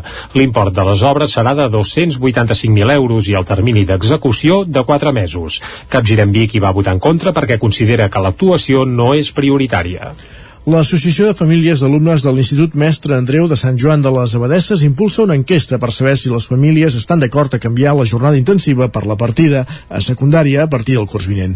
Isaac Muntades, des de la veu de Sant Joan. El Departament d'Educació de la Generalitat de Catalunya ha emès un ordre d'obligat compliment a partir del curs escolar que ve per aplicar l'horari saludable a tots els instituts escola que no són de nova creació. Això implica que l'horari dels alumnes de secundària ja no serà intensiu, sinó que es tornarà a fer la jornada partida com s'havia fet anteriorment amb classes a la tarda. La mesura afecta quatre instituts escola de la província de Girona, Besalú, Verges, Lloret de Mar i Sant Joan de les Abadeses. Arran d'això, l'Associació de Famílies d'Alumnes del municipi va obrir una enquesta aquest dilluns, consensuada amb l'equip directiu del centre, per conèixer l'opinió de les famílies sobre aquest tema tan controvertit. Estel Barber, membre de la Junta de l'AFA de l'Institut Escola Mestre Andreu, explicava quines opcions es poden escollir. Què preferiríem? Si mantenir l'horari actual tant a primària o secundària o canviar la proposta d'horari saludable, és a dir, a primària als matins de 9 a 12 30 i totes les tardes, és a dir, mantenint l'horari actual, i a secundària els matins de 8.30 a 13.30 i totes les tardes de 15 a 16.30. És a dir, el canvi es produeix a secundària. I llavors tenim una tercera opció, que és aquella no ho sé, no contesto, que diem, doncs no ho sé, prefereixo abstenir-me. Cada família tindrà dos vots per reflectir les diverses opinions. A més, també hauran d'especificar si tenen els fills escolaritzats a primària, secundària o a tots dos cicles educatius. Es podrà votar fins diumenge a les 10 del vespre i dilluns es publicaran els resultats. D'altra banda, a inicis de març es convocarà l'Assemblea de l'AFA, ja que encara que sigui una mesura d'obligat compliment, voldran posicionar-se en funció del resultat i presentar batalla davant d'educació. A Besalú i Lloret ja s'han fet aquestes consultes i l'opció de mantenir l'horari intensiu va guanyar gairebé per unanimitat. Barber va avançar que al centre hi ha uns 380 alumnes i un públic objectiu d'unes 400 persones, de les quals ja n'haurien votat 120. El director del centre, Miquel Mercè, va recordar que l'horari saludable requereix que l'hora de dinar sigui entre la una i les dues. A Sant Joan voldrien començar a dos quarts de nou del matí i acabar a dos quarts de cinc de la tarda, perquè perquè l'alumnat tindria una hora i mitja per dinar i després es faria el pla lector i una classe. El gran canvi que suposa aquest horari per l'IES Mestre Andreu és que segurament tindran molta més demanda del servei de menjador, un fet que és un problema en tenir la primària i secundària separades i el fet de no tenir cuina ni menjador al centre de la Coromina del BAC. Actualment tenim el sisè, aquí, doncs, amb servei de càtering ens porten el dinar. Sempre el menjador l'hem ofert perquè ha volgut de secundària. El que passa que amb l'horari intensiu, un any, un alumne ho va demanar i podia dinar a l'escola, però d'entrada ningú, ningú en fa ús, secundari. Dinen el que era abans la sala de professors. De mestres la, la, la vam treure i la, la vam habilitar per poder dinar. És un espai reduït, tenint en compte que si haguessin de menjar gaires alumnes, doncs s'haurien de fer dos torns o seria complicat a nivell d'espais. De moment, per, per dinar els de sisè, una vintena d'alumnes, doncs l'espai és correcte. Per tant, s'haurà de veure on es reubica el menjador si els alumnes augmenten, almenys fins que no es faci el pròxim edifici. Precisament quan es va fer el canvi de jornada partida intensiva, un dels motius és que s'estalviaven quotes de menjador perquè l'alumnat podia anar a dinar a casa. Amb el nou horari, Mercè creu que hi ha menys temps per fer activitats extraescolars, que els alumnes estan més cansats a la tarda i que pot augmentar l'absentisme. Gràcies, Isaac. Precisament ara s'està fent una roda de premsa i compareixen el president de la Generalitat Pere Aragonès i el conseller d'Educació Josep González Cambrai per presentar les novetats de cara al proper curs escolar. Els alumnes d'infantil i primària començaran el curs el 5 de setembre i els d'ESO, batxillerat i formació professional dos dies més tard, el dia 7. Aquest avançament del curs no suposarà, segons el govern, ni més hores lectives ni que el professorat augmenti la jornada laboral. Se seguiran incorporant l'1 de setembre. Per fer-ho possible hi haurà una altra novetat destacada. Els alumnes faran jornada intensiva durant tot el mes de setembre. Les classes seran de 9 a 1 i es garantirà el servei de menjador a tots els infants. Novetats, com dèiem, de cara al curs escolar 2022-23 que estan explicant, com dèiem, aquesta hora el president de la Generalitat Pere Aragonès i el conseller d'Educació Josep González Cambrai. Més qüestions. Al territori 17 arrenca el Posa't en lloc a Llinars del Vallès, un concurs organitzat per l'Ajuntament i el Consorci per la Normalització Lingüística. Núria Lázaro, des de Ràdio Televisió, Cardedeu. Des d'avui fins l'11 de maig de 2022, les persones que vagin a Can Lletres a Llinars del Vallès trobaran el Posa't en joc, un joc de llengua de periodicitat setmanal basat en preguntes relacionades amb Llinars del Vallès i també sobre cultura i llengua. Cada setmana es plantejarà una nova pregunta i poden participar petits i grans i és un joc obert a tothom que es difondrà també a través del compte d'Instagram de Can Lletres. Ara bé, qui vulgui participar haurà d'emplenar la butlleta amb la seva resposta i dipositar-la a l'urna que hi ha a Can Lletres. Només s'admetrà una butlleta per persona en cada pregunta. Les butlletes que no continguin tota la informació de les dades personals no entraran en el sorteig. El dia 11 de maig, a dos quarts de set de la tarda, es farà el sorteig d'un lot cultural entre tots els participants que encertin com a mínim set preguntes. El Bioritme, un dels grans festivals de música que es fan a l'estiu a Catalunya, es trasllada a Torelló. Des de 2015 el certamen es feia a Vilanova de Sau i tot i que les dues últimes edicions s'havien suspès per la pandèmia. El nou bioritme de Torelló tindrà lloc del 25 al 28 d'agost i les poques entrades que queden per assistir-hi es van posar a la venda ahir a la nit. Doncs si acaba el 28 d'agost, els més petits al cap de 4 dies ja podran anar a col·le. Ves per on. Sí, Després de dos anys sense celebrar-se, el Festival Bioritme ha anunciat que canvia la seu del Pantà de Sau i que es trasllada a la riba del riu Terra, a Torelló, on històricament s'hi havien celebrat festivals com l'Osona Rigui. El vuitè Bioritme, doncs, es celebrarà del 25 al 28 d'agost a l'esplanada de la zona esportiva de Torelló i es mantindrà, com ja era habitual, com un punt de trobada al voltant de l'economia sostenible, apostant per la salut, l'alimentació ecològica, l'activisme social i la música compromesa. No en va el bioritme, presumeix de ser el primer festival de música de tot l'estat amb productes 100% ecològics. A part del canvi d'ubicació, des de l'organització, ahir també van avançar el 50% del seu cartell artístic, que serà paritari. En destaquen noms com els històrics Boicot, Olive Tridents, de Portugal, el Pony Pissador, Malux, Roba Estesa, Jazz Woman, Sense Sal, o els festius Tranceuntes, una banda de Madrid. L'organització assegura que assegura que el festival mantindrà la seva essència i que continuarà comptant amb una zona familiar reservada eh, per gaudir del bioritme entre menuts, pares i fills. També tindrà una zona habilitada per furgons i caravanes situada a prop del recinte dels concerts. El bioritme havia aterrat a Vilanova de Sau l'any 2015 després de dues primeres edicions al Vallès Occidental i cada any aplegava prop de 5.000 persones. Pel que fa als abonaments es van posar a la venda ahir mateix a la nit a la web del festival. Des de l'organització, però, apunten que només n'han posat a la venda el 25% de les disponibles, ja que el públic no havia retornat les de les passades dues edicions, que seran vàlides també per la cita de Torelló. El centre de Sant Quirze de Besora engega la maquinària per impedir el tancament del teatre. L'entitat farà públic un acte públic per explicar la problemàtica el 19 de febrer a la plaça Major. Davant del possible tancament de l'edifici del teatre al centre de Sant Quirze de Besora, l'entitat va iniciar aquest passat cap de setmana una campanya per aconseguir el suport dels veïns en la defensa de l'ens cultural, que més és l'entitat amb més anys d'història del poble. Es van penjar cartells per tot el municipi amb el lema El centre no es toca, el mateix que ja havia aparegut en format de pancarta a les representacions dels pastorets i de la nit de Reis, i també es va engegar una recollida de firmes per declarar el teatre com a edifici d'interès local.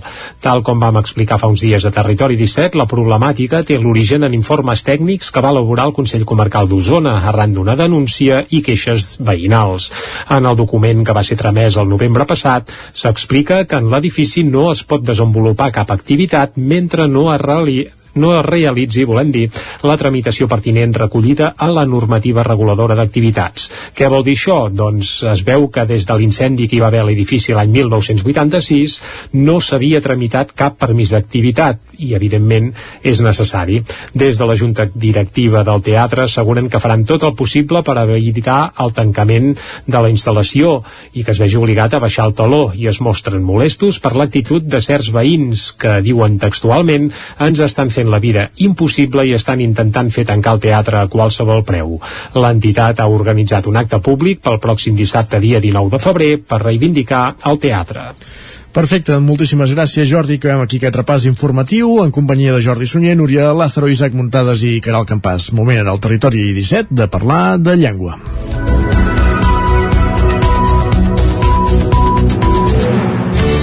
Territori 17. Envia'ns les teves notes de veu per WhatsApp al 646 079 023. 646 079 023. WhatsApp Territori 17.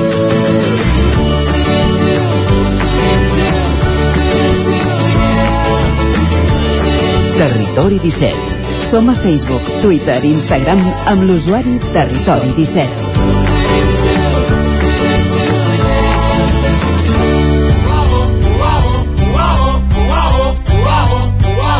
Ja sabeu que parlar de llengua i parlar de paraules i de com les hem d'escriure i dir mm, és sinònim de tenir amb nosaltres a l'estudi la Cristina Enfruns, aquí ja saludem. Bon dia, Cristina. Bon dia. Amb quina paraula o expressió ens fixem avui? Bé, doncs avui, eh, aprofitant que aquest diumenge és- el Dia Mundial de la Ràdio, Molt bé. doncs el que farem serà un repàs a totes les paraules relacionades amb el món de la ràdio. Pensava que anaves a dir un repàs de totes les paraules que es diuen malament a la ràdio i no, no, no tenim temps, ja t'ho dic ara, no, no.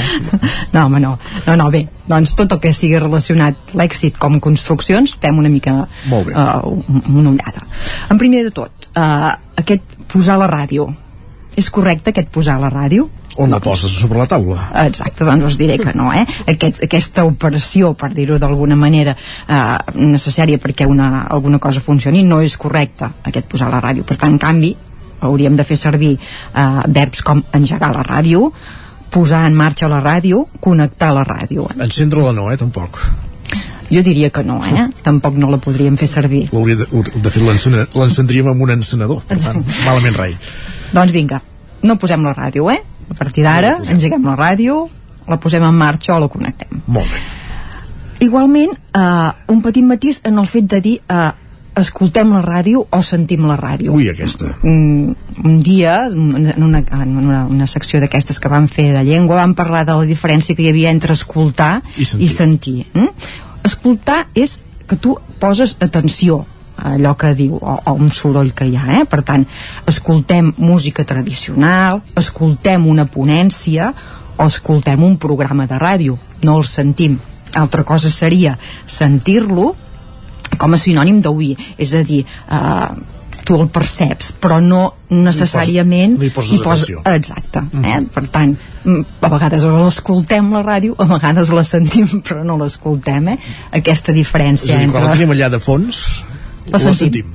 I si parem atenció, l'escoltem. Doncs ja està. I per tant, quan hi ha la Cristina Enfruns, el que hem de fer és escoltar la ràdio. hem d'escoltar perfectament molt bé, doncs bé, aquesta seria la diferència que hi ha Molt bé. parlem dels tècnics ara Ui, per exemple, no sé si sabíeu que eh, la peixera eh, és el nom que fan servir els professionals de la ràdio per referir-se als que estan al control eh, en aquest cas, Isaac el, el lloc eh? on està, tu estaries sí. a la peixera i en canvi aquest espai físic on, on parla el locutor que està aïllat acústicament aquí és el, el que anomenem el locutori Correcte. jo ara estic al locutori tu estaries a la peixera sense aigua, eh, per sort doncs bé, igualment tu és el locutor o locutora, eh? aquesta, aquesta paraula jo crec que, que d'allò una altra cosa també és el, el pinganillo que nosaltres no en fem servir perquè fem servir els auriculars però com es diu el pinganillo en, això és en català? Més, és, molt, és més, més del, de, de, de, la televisió, de la eh? televisió, exacte, sí, sí, nosaltres fem servir però bé, mm, podria ser doncs, que portéssim aquest, eh, aquest aparell que sí, sí. Mm, parlem i sentim en català Orellera? Sí senyor Isaac Avui, és, avui soc alumne avançat, ja ho veig. Va, doncs bé, per, mm, uh, traiem el pinganillo i ens posem l'orellera. Molt bé. I també una altra expressió que segur que bé, la fem servir molt és aquesta uh, en antena o a l'aire. Eh? Sí. Totes dues serien correctes, però vigilem amb aquest a l'aire. Eh? Perquè hi ha una diferència entre en l'aire, en l'aire tot junt, o a l'aire. Són tres que eh, així oralment es poden confondre però que són mm, totalment diferents eh? en l'aire amb en eh, eh, fa referència a un, una cosa que està en suspens, sense resoldre eh? per exemple, quan eh, hi ha una sentència que està en l'aire no resolta d'acord en l'aire, tot junt evidentment vol dir una cosa que una cosa que vola molt en l'aire. Un globus, un globus aerostàtic doncs exacte, el globus se'n va en l'aire. I en canvi aquest a l'aire que seria la locució que faríem servir en la ràdio és a dir eh, no ho sé eh, eh, anem a l'aire o anem antena, en antena sí. doncs aquest seria a l'aire ah. igualment com faríem eh, quan volem fer que mm, res no ens privi de l'aire per exemple, per exemple fotografiar algú amb el pit en l'aire a l'aire eh, doncs eh, en el cas de la ràdio haurem de dir en antena o a l'aire eh? no ho sé, n'hi ha moltes més eh? per exemple ara, ara anava a dir, tenint en compte que ara la ràdio també una tendència és escoltar-la digitalment a través d'internet uh Mhm. -huh. això de a l'aire ja queda, ja queda del passat però vaja, en fi eh, són són sí. locucions de l'argot radiofònic que, que els sí, mantenim sí, sí, sí, sí, exacte Uh, però bé, la tradicional eh, seria això, eh, estar en antena o Correcte, estar sí, sí. a l'aire i bé, no ho sé, per acabar potser, ja que parlaves tu d'internet sí. aquests podcasts, podcast eh, vigilem amb la pronúncia eh, perquè en castellà és un podcast en sí. canvi en català l'hem de fer aguda, un podcast, podcast. Eh? igualment el podcasting el que no tenim és eh, eh, paraula catalana, eh, per definir-ho, diguéssim. Aquesta, eh, a ens ha veure- mantingut l'anglicisme. el diccionari, però el normatiu, evidentment que no, però els diccionaris més de, de parla, o és a dir, que seria el dels, dels, del, dels mitjans de comunicació, ja l'accepten, eh? I, i la paraula, no hi ha, no hi ha cap més Traducció. eh, traducció en català. Recordem que és una paraula masculina, eh? És un podcast. Molt bé. Podcast. D'acord? Perfecte, és el fet d'escoltar la ràdio en el moment que un li plagui perquè tens a la carta tots els arxius que, que vulguis per, per escoltar. Exacte. I posem música. Va, posem música.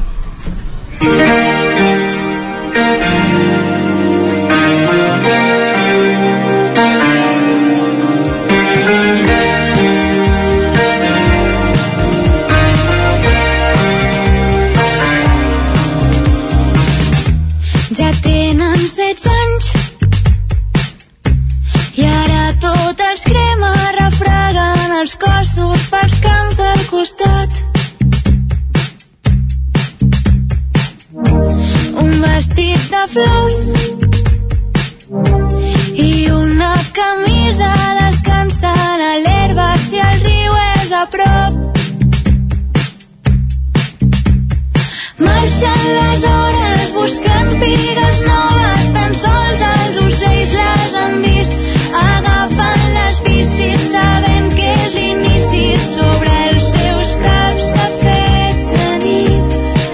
Cristina, quina és aquesta joia que ens portes avui? No l'hem escoltat encara, Ah, eh? perdó, doncs Però, deixa'm, deixa'm. Va, escolta. Agafa la mà, no passa el temps, saps que passat? No sé què som, què està passant.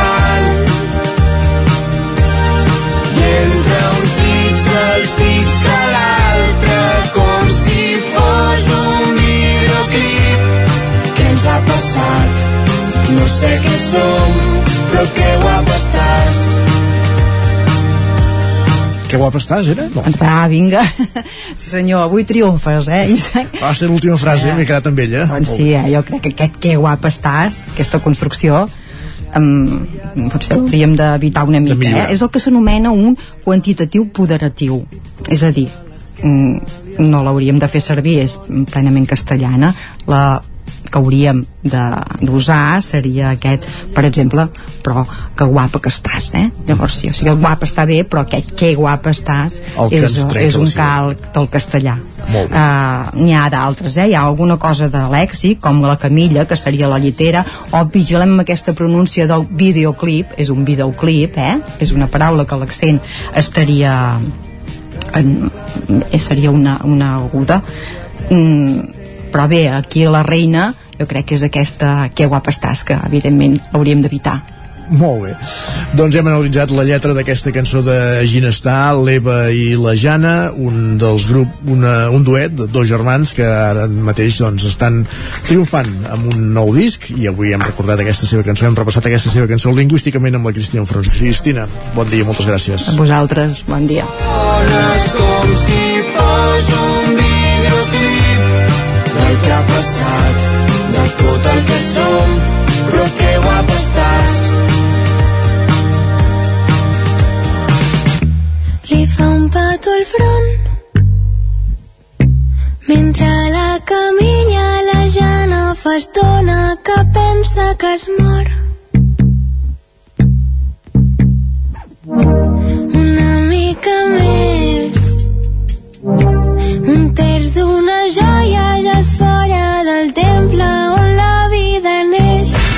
El nou FM, la ràdio de casa, al 92.8. Mmm, quan fa que no menges pluma ibèrica de Salamanca i xuletilles de lechal a la brasa amb una bona amanida? Oh, ¿y un chuletón de vedella gallega? ¿O lechazo de Castilla al forn? Ah, i botillo del Bierzo amb cachelos i col? Ei, i cochinillo a l'estil de Segòvia, i tot acompanyat d'un bon celler. Oh, i uns bons serranitos de pollastre, de llom, d'hamburguesa, del que tu vulguis. Per menjar la millor cuina de lleó sense moure't de casa, vine a El Racó de León. Fem cuina tradicional lleonesa i de mercat. Vine amb la família, amb els amics, amb la parella o sol. T'encantarà. El racó de León. Som al carrer Torelló 35 de Vic. Reserves 93 889 1950. Tanquem els dimarts. El racó de León. Vine a tastar una cuina diferent. A Catalunya volem fer una economia intel·ligent, digital i emprenedora, que permeti reduir el període mitjà de pagament a proveïdors i situar-lo dins el termini de 30 dies. És l'hora que entre tothom fem la Catalunya que volem. Fem-ho bé, fem-ho tot, fem-ho possible. Generalitat de Catalunya. Del 8 al 13 de febrer arriba el 24è Cau de Bruixes de Centelles, una festa per tots els públics que gira al voltant de la tradició de les bruixes, l'esoterisme o la màgia, amb espectacles al carrer, un mercat màgic, conferències, música i tallers. Vine a descobrir qui és la nova bruixa de l'any al Cau de Bruixes de Centelles. Més informació a centelles.cat barra Cau de Bruixes. Cefusol, centre de formació de soldadura GURB. Som especialistes en processos de soldadura. Disposem d'instal·lacions totalment equipades per a classes de teòrica i pràctica amb cabines individuals i equipaments de seguretat. Assessorem empreses i oferim cursos subvencionats i bonificats.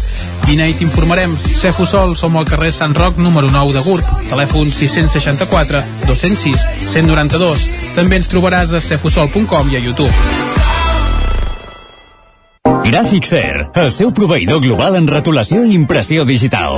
Oferim servei de disseny, producció i instal·lació de qualsevol projecte en rotulació industrial i comercial. Rètols corporis, senyalització preventiva, senyalització viària, senyalització interior de naus, vinils decoratius per a oficines i establiments comercials, rotulació de vehicles... Confia en els serveis que li pot oferir Gràficser. Ens trobarà al carrer Lleida 39 de Vic o a gràficser.com. Anuncia't al 9FM. La màquina de casa. 9 3 8 8 9 4 9 4 9. Publicitat arroba al 9FM.cat. Anuncia't al 9FM. La publicitat més eficaç.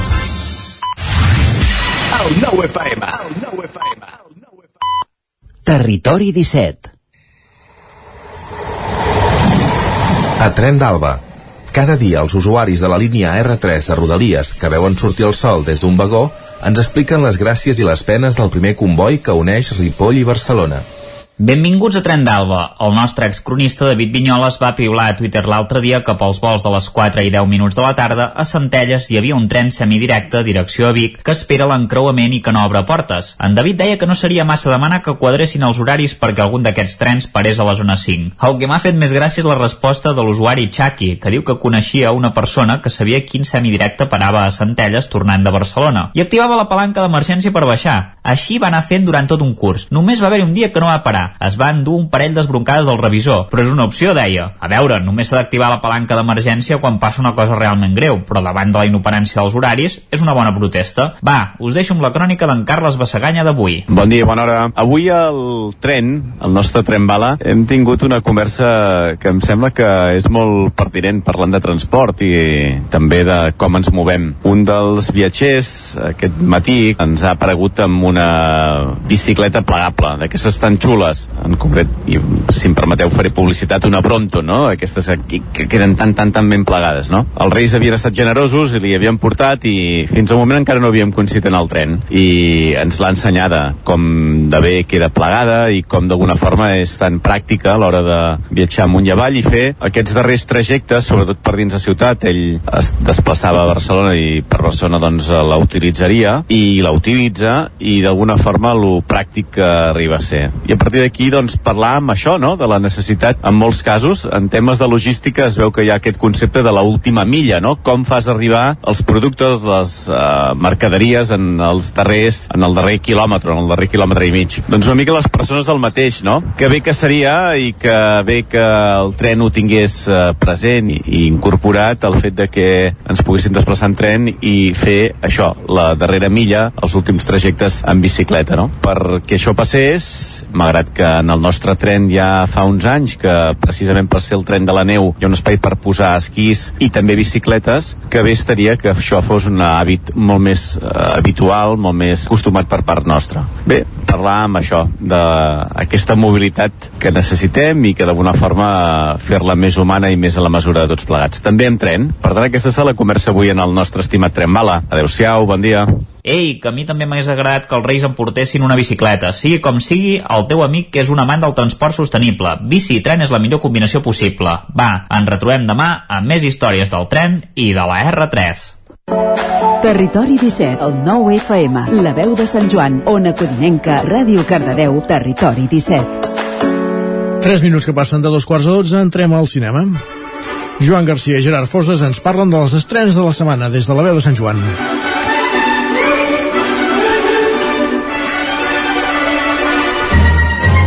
Una setmana més, moment de parlar de cinema, a la veu de Sant Joan i el territori 17, eh, amb en Gerard Fosses. Hola, Gerard. Hola, què tal? Avui tothom deu estar esperant a que parlem dels Òscar. Sí, imagino, però ja, ja en parlarem. Si, si et sembla, començant per les estrenes, que també ja té quedat la bona, Mm -hmm. i com a mínim la primera relacionada també amb els Oscars. Ah, doncs, doncs endavant, tot teu. Mira, comencem amb la nova pel·lícula de Paul Thomas Anderson, que sempre és una magnífica notícia que aquest senyor dirigeixi pel·lícules, eh, bàsicament perquè és un dels millors directors actuals com a mínim del cinema nord-americà i que veu amb una de les seves pel·lícules o segurament la seva pel·lícula més, més accessible i més propera que és una, una mena de, comèdia, de comèdia romàntica sempre amb el seu estil propi que es titula Licorice Pizza It's a god-awful small affair To the girl with the mousy hair Un día me casaré con esa chica. But her mommy is yelling no And her daddy has told her to go. Escúchame, jovencita. But her friend is nowhere to be seen. ¿Y cómo te convertiste en una actoraza? Lo mío es el espectáculo. He nacido para ello. To the seats with the clearest view. And she's hooked to the silver screen. ¿Sabes quién soy? Sí.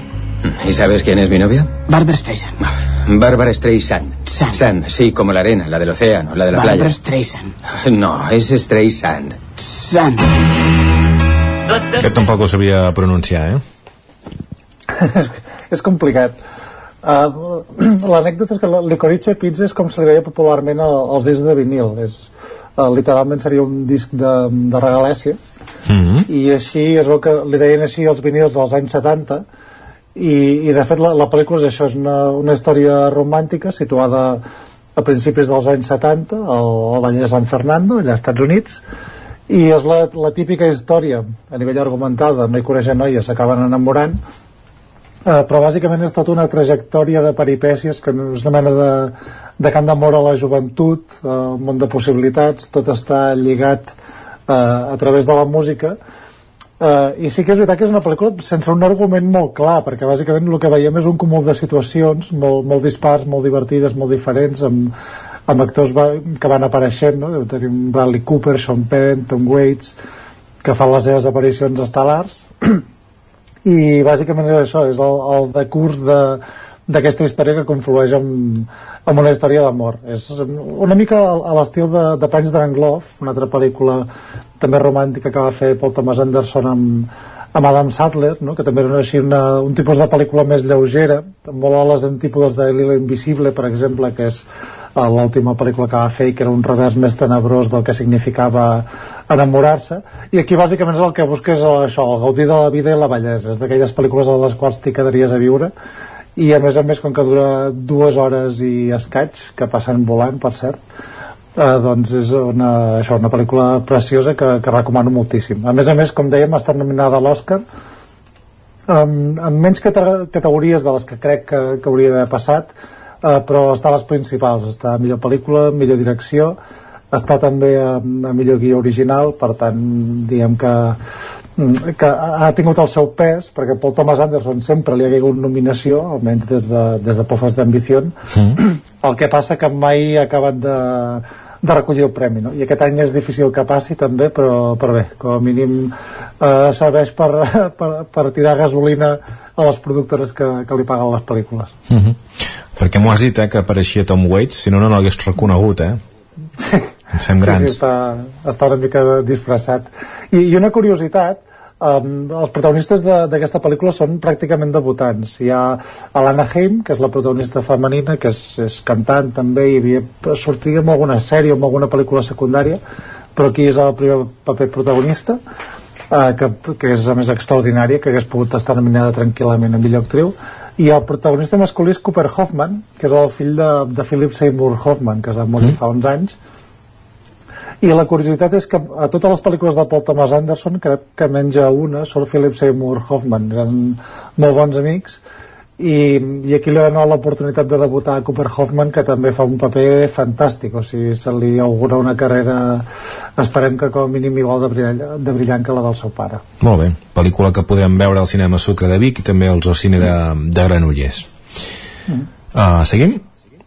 Sí, seguim amb un canvi de registre perquè aquí estem en el terreny del blockbuster i segurament eh, els nostres l- l'hauran sentit anomenar eh, si no pel títol, sí que per Tom Holland que ha estat aquests dies a, a Barcelona i a Madrid de promoció de la pel·lícula d'aquesta adaptació d'un videojoc que es titula Uncharted Sueño con esto desde que era niño. El oro de Magallanes. Es el mayor tesoro no encontrado. Fácil 5.000 millones. ¿Cuándo empezamos? Toma, póntelo en el oído. Hola, hola. Te oigo, estoy aquí al lado. Tu hermano creía que había una pieza final. ¿Conoces a mi hermano Sam? ¿Qué más me estás ocultando? No tienes ni idea de quién es tu compañero. ¡Julie, date prisa! Voy a tardar un poco más de lo que creía. Supongo que fer un d'aquests comentaris que segurament algú li deu fer molta ràbia, eh? però mm. això és com un Indiana Jones amb molta acció, no?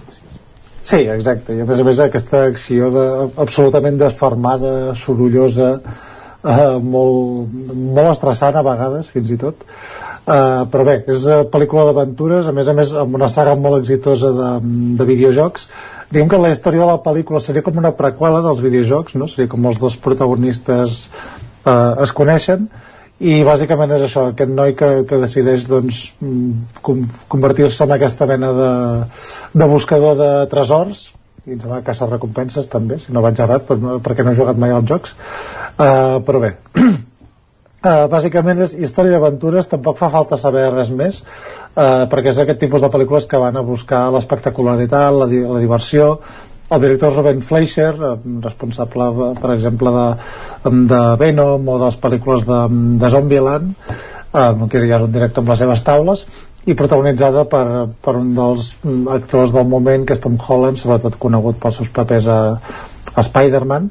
Mm -hmm. i la curiositat i per això en part estava aquí a Espanya doncs, fent promoció és que es va rodar part de la pel·lícula eh, tant a Barcelona com a Lloret de Mar. Mm -hmm mm. I, i a més a més bé, aquesta connexió que Tom Holland a més durant molts anys a la seva infància també estiuejava a Catalunya i, i bé, al final hi ha aquesta connexió amb, aquest, amb, amb el país que a veure si, si serveix doncs, perquè també es dispari una mica a la taquilla mm, molt bé, com molt bé el, el Tom Holland i, i la, sí. la seva parella també la Zendaya ah, la, la, ah sí, són parella? sí, sí, sí Ah, doncs mira. Sí, sí, són, ah. i a més a més tots dos amb molt d'èxit ara també amb la... la... Ah. És que l'altre vaig veure un vídeo que ella deia que no es diu Zendaya com tothom li diu ah. uh, suposo a països llatins, que és Zendaya Ah, és Zendaya. Bueno, dic països llatins quan dic mm, que, que, que molts deuen saber parlar més anglès que, que Espanya, però vaja. Sí, segurament. Molt bé. Sí, sí.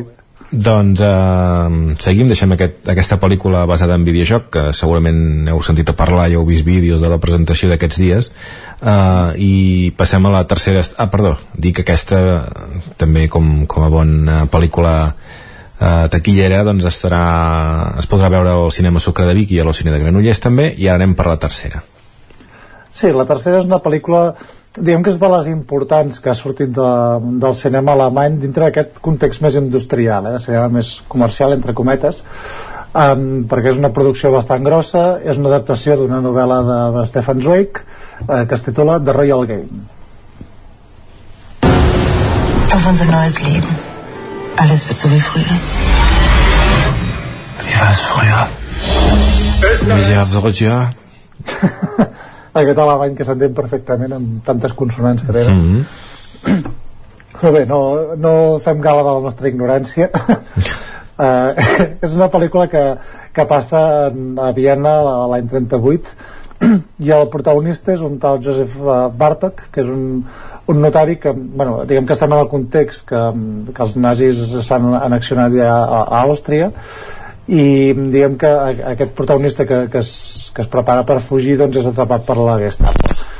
I diguem que, que per poder escapar-se doncs ha de començar a fer favors o començar a treballar amb els nazis cosa que ell no està disposat a fer. I diguem que això està vinculat que dintre del seu aïllament doncs, comença a aprendre a jugar escacs i tal.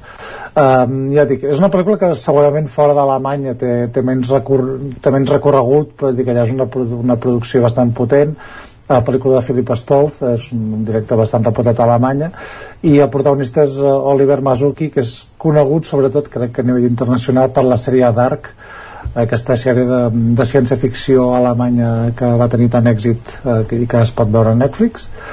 Um, i bé, és la pel·lícula diguem, una de les europees potents d'aquest any que finalment arriba a les cartelleres d'Espanya. Mm el, el tràiler potser no està eh, no, no l'hem tret del canal oficial i això, però no es, no es veu gaire bé no sé si és que la pel·lícula tampoc té molta no, en principi sí que es veu bé, però és veritat que el tràiler no, no és amb molt bona qualitat. Tampoc se n'ha fet moltíssima promoció, que diguem, i de fet no hi ha un tràiler doblat a, a l'espanyol. Mm, no he tingut temps de mirar qui porta aquesta pel·lícula, però probablement seguia Contracorriente, que aposten bastant per aquest tipus de, de cinema europeu més comercial. Mm -hmm.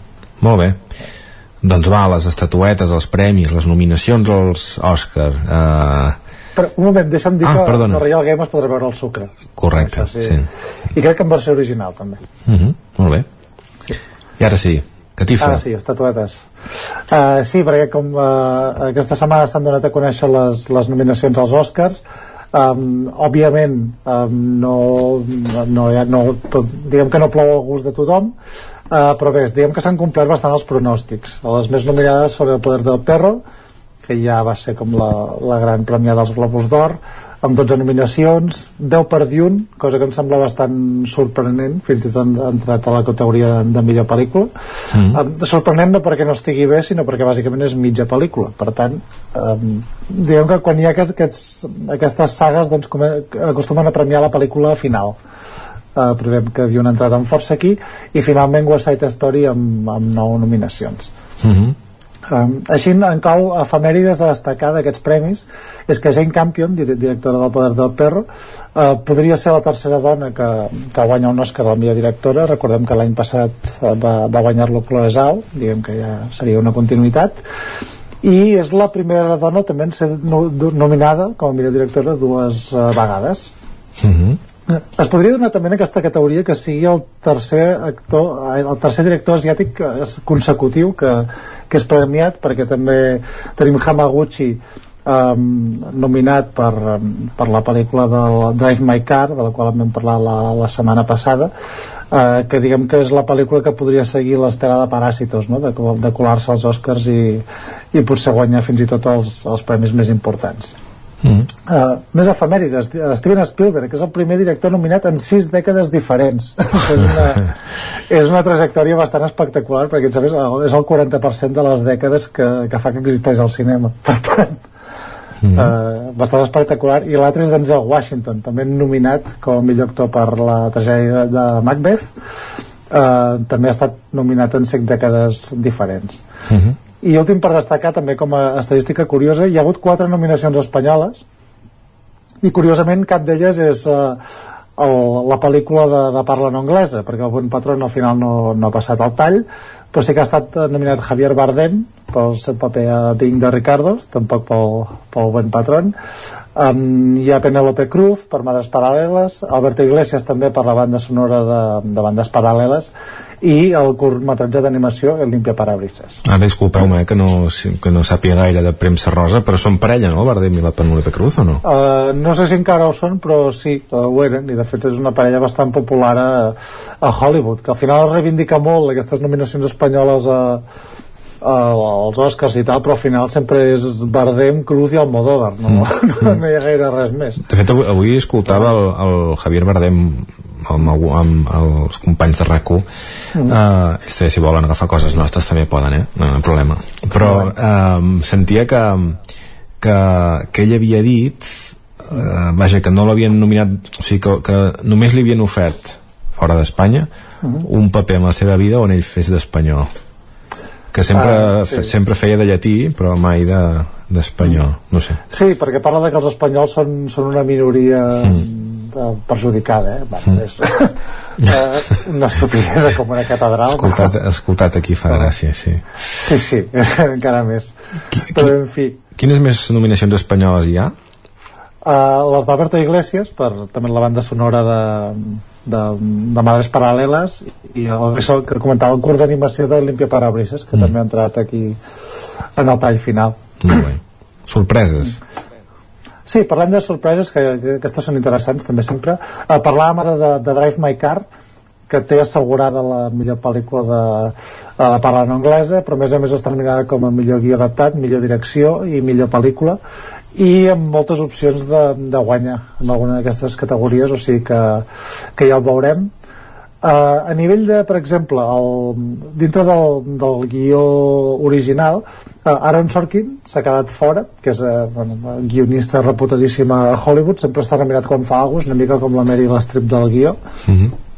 i curiosament s'ha quedat fora perquè ha entrat una pel·lícula que es diu de la, la peor persona del mundo que és una pel·lícula noruega de, de Joaquim Trier que s'estrenarà el mes de març aquí que per cert és, és magnífica i, i ha entrat al tall com a millor guió. Aquesta és segurament una gran sorpresa. Com també ho és la- l'absència de nominacions per pel·lícules de, de Ridley Scott que recordem que aquest any estava amb la Casa Gucci i estava amb l'último duelo. L'último duelo no ha rebut cap nominació. I la Casa Gucci només per maquillatge i perruqueria perquè és una extravagància absoluta el maquillatge de, Mhm. de la seva pel·lícula. Però bé, és curiós que per exemple la Lady Gaga que, que era com la favorita a guanyar el, el premi a la millor actriu o Jared Leto, que era un candidat molt clar com a millor actor de repartiment doncs no, no han passat el tall i no han entrat a les nominacions per tant no sé si hi ha algun tipus de problema entre els acadèmics i Ridley Scott uh -huh. uh, però bé, aquí es queda l'anècdota i per últim hi ha el cas de Flea que és, que és una pel·lícula que també s'estrenarà aviat és un, un documental però fet amb animació que és una pel·lícula danesa que, que explica el testimoni d'un refugiat d'allà a Dinamarca que, que es vol mantenir l'anonimat i per això han fet la pel·lícula amb animació. Mm, i aquesta pel·lícula està nominada com a millor documental, com a millor pel·lícula d'animació i com a millor pel·lícula de parla en anglesa mm. és la primera vegada també que passa això a la història. Com que aquí cadascú domina el seu doncs eh, realment he mirat les pel·lícules d'animació i és l'única que no he vist de totes les que hi han. Eh, que per cert hi ha la, aquesta dels Mitchells contra les màquines que és la, sí. la, la pel·lícula aquesta Netflix que estava um, versionada en català uh, sí. que també és, és molt divertida, la recomano i és l'última que el Flea era la que no havia vist i, i, i ara llegir que és, que és en, en animació com a recurs perquè es veu que, que això que volia uh, parlar amb un refugiat que el refugiat mm. afgà va, va acceptar explicar la seva història però a la condició que no rebrà la seva identitat Sí, sí, exacte. I, no? I per, i per, i per aconseguir-ho que van fer va ser això, no? Fer, fer, fer una, un documental d'animació. Sí, exacte. I eh, mira, ha guanyat la, bueno, ha aconseguit la nominació. Eh, trobo molt difícil que aconsegueixi algun dels premis perquè per exemple els mitja contra les màquines crec que és la, la favorita en, en categoria d'animació en categoria de la qual ha quedat fora Bell, la pel·lícula japonesa de, de Mamoru Hosoda que va passar per, per Sitges i que semblava com una candidata molt clara. Més Hosoda havia estat ja nominat a l'Oscar i en aquest cas s'ha quedat fora. Eh, però bé, eh, és això al final els Oscars mai plou el gust de tothom sempre hi ha absències molt clares però la resta diguem que és tot bastant clar. Eh, una categoria que a mi m'ha deixat frapat és la categoria del millor muntatge que ara no me recordo les nominades perquè no les he apuntat mm. però o sigui, qualsevol de les pel·lícules que havien nominades penso que com a millor muntatge no s'aguantava per al lloc però bueno Uh -huh. uh, és aquelles coses que dic, no sé el criteri exacte però tu, en sèrio que se m'acudeixen diverses pel·lícules millor muntades que aquestes film editing, no? deu ser um... sí, ens morir el poder del perro i devia haver Dune Don, també Don't Look Up, Dune, Don't King Richard The Power of the Dog Tic Tic Boom Sí, doncs és que realment dic, dic no sé quin uh, guanyaria el premi perquè no, no uh -huh. crec Uh, segurament la que té, està muntada amb més gràcia segurament és Tic Tic Boom però mm. no sé, és complicat mm. Mm. Molt bé, uh, no deixem els premis uh, perquè ara mm, no ho sabia això, eh, però ara veig que, que ho tinc aquí al guió que aquest uh, dissabte hi ha la gala dels Goya Sí, aquí ja no entrem amb, amb, amb més disquisicions perquè vam parlar ja de les nominacions als Goya però només recordar que aquest dissabte se celebra la gala i que la que apareix com a favorita és el, el Bon Patron, recordem, amb 20 nominacions, que és la pel·lícula més nominada de la història de, dels Goya, i que segurament se n'emportarà uns quants, o sigui, fàcilment podria igualar el rècord de, de Mar Adentro, que em sembla que en va guanyar 14, o sigui que ja, ja veurem com, com avança. I si voleu veure la gales a Televisió Espanyola a partir de, de les 10 del vespre. Molt bé, l'obituari. Sí, un moment d'obituari és, és notícia ben recent a més a més és la, la mort de, de Douglas Trumbull que és eh, segurament una persona més coneguda dintre del món de la cinefília, no tant pel públic en general eh, i perquè el seu ofici és un especialista d'efectes de, especials, efectes pràctics. Uh, però bueno, la, la, dintre del seu llegat entre moltes altres pel·lícules uh, ha deixat pel·lícules de, per diferents èpoques també, ara que parlàvem de les dècades que abarcava Spielberg però aquest senyor ha estat per exemple amb el Mago de Oz una de les pel·lícules més importants de la història de, de Hollywood. 2001 de Stanley Kubrick. Encuentros de la tercera fase també amb Steven Spielberg, Blade Runner o, o l'Arbol de la vida més recentment amb, amb Terence Malick. Eh, per tant lamentem molt la, la seva pèrdua molt bé, 79 anys crec que, que Sí, encara bastant jovenet i encara treballar, veus? O sigui que... Jovenet, jovenet, eh. ja m'agradarà, eh? Que mica quan tingui 79 em diguin jovenet, però, però vaja que... Sí, bueno, la, la joventut al final s'allarga, encara, encara no té el carnet jove, jo crec. Molt bé, I, i a la cartellera del Territori 7 per acabar, aquesta setmana estem una mica de dol perquè eh, a cap lloc es projecta ja el pan de limón con semillas de amapola no, esperem que torni ben aviat aquesta mm. pel·lícula i si no la que agafi el relleu que, que em sembla que ja tenim un relleu clar però bueno, no, no, no avancem aconteixements molt bé, uh, comencem per el cinema comtal de Ripoll Lunáticos sí. i El amor en sí. su lugar Sí, Lunáticos és una pel·lícula d'animació que ve d'Alemanya, animació bastant pobra, um, però bé, és això, un país amb, amb indústria de cinema, en aquest cas amb, unes, amb, amb uns llibres infantils molt populars allà, uh, doncs han fet l'adaptació un cinema d'animació, es podrà veure a Ripoll, i L'amor en su lugar, pel·lícula de Rodrigo Cortés que, que n'hem parlat ja unes quantes vegades des de que es va estrenar, és una molt bona pel·lícula que a més a més ha, ha passat com molt desapercebuda per, eh, pels Premis Generals, els ja té molt poques nominacions i no està cap de les categories principals, però sí que en Premis de la Crítica, Premis de la Premsa, doncs ha començat a, a guanyar mm, una mica de reconeixement, ha funcionat bastant ben taquilla, i de fet l'últim que va guanyar va ser un Premi Sant Jordi, a, a pel·lícula, millor pel·lícula espanyola, o sigui que, que molt bé. Mm -hmm. Molt bé, el cinema Catalunya de Ribes òpera, no? Sí, tenim l'òpera Electra, aquestes òperes um, gravades que tradicionalment des de fa un temps es projecten en, cinema, en cinemes, doncs en aquest cas al Cinema Catalunya uh, podrem veure aquesta tragèdia grega uh, feta per un, un repàs més actual ja. Mm -hmm. Seguim repassant les cartelleres del territori 17, el casal Camprodoní, El contador de cartes. Aquesta la recomano moltíssim. És, és, aquesta és una pel·lícula sensacional, segurament una, una de les pel·lícules més bones bueno, de l'any passat segur i d'aquest any també. Um, i, i se n'ha parlat poquíssim ha, ha passat molt desapercebuda. És la nova pel·lícula de Paul Schrader uh, conegut sobretot per les seves uh, feines com a, guionista sobretot amb, amb Martin Scorsese però que ja té una trajectòria com a director molt, molt, molt potent. I aquesta del comptador de cartes és, és, diguem que el protagonista és un exmilitar que s'ha convertit en jugador professional de, de pòquer. Uh, i, i diguem que el tema és una mica el tema de la filmografia d'Esrader sobretot dels últims anys que és uh, personatges atormentats que busquen la, la redempció. Aquestes pel·lícules que són molt enigmàtiques que es van coent molt a poc a poc uh, molt atmosfèrica i opressiva i amb interpretacions sensacionals fotografia extraordinària o sigui, uh, val la pena o els que estiguin a Camprodon sens dubte anar-la a veure i els que siguin de, de la comarca com a mínim acostar-se a Camprodon a, a veure aquesta pel·lícula perquè de veritat que és, és obra mestra quasi bé. Molt bé, i a l'Esbarjo de Cardedeu en el, en el llindar i volta a casa de mi hija. Sí, aquesta, aquesta pel·lícula en l'Umbral és, és bastant curiosa perquè és un documental autobiogràfic. Um, és d'una des del punt de vista d'una mare que, que bueno, acompanya el seu fill en la seva transició de, de gènere és un documental brasiler bastant curtet um, i d'aquest uh, cinema social també molt, molt interessant sobretot per aquesta perspectiva tan, tan humil i tan honesta.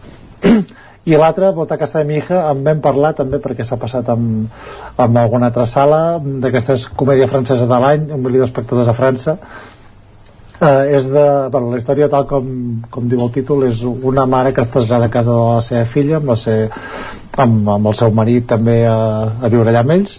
Eh, i diem que és tota aquesta comèdia de situació que genera amb la irrupció de la mare dins de, de l'àmbit familiar.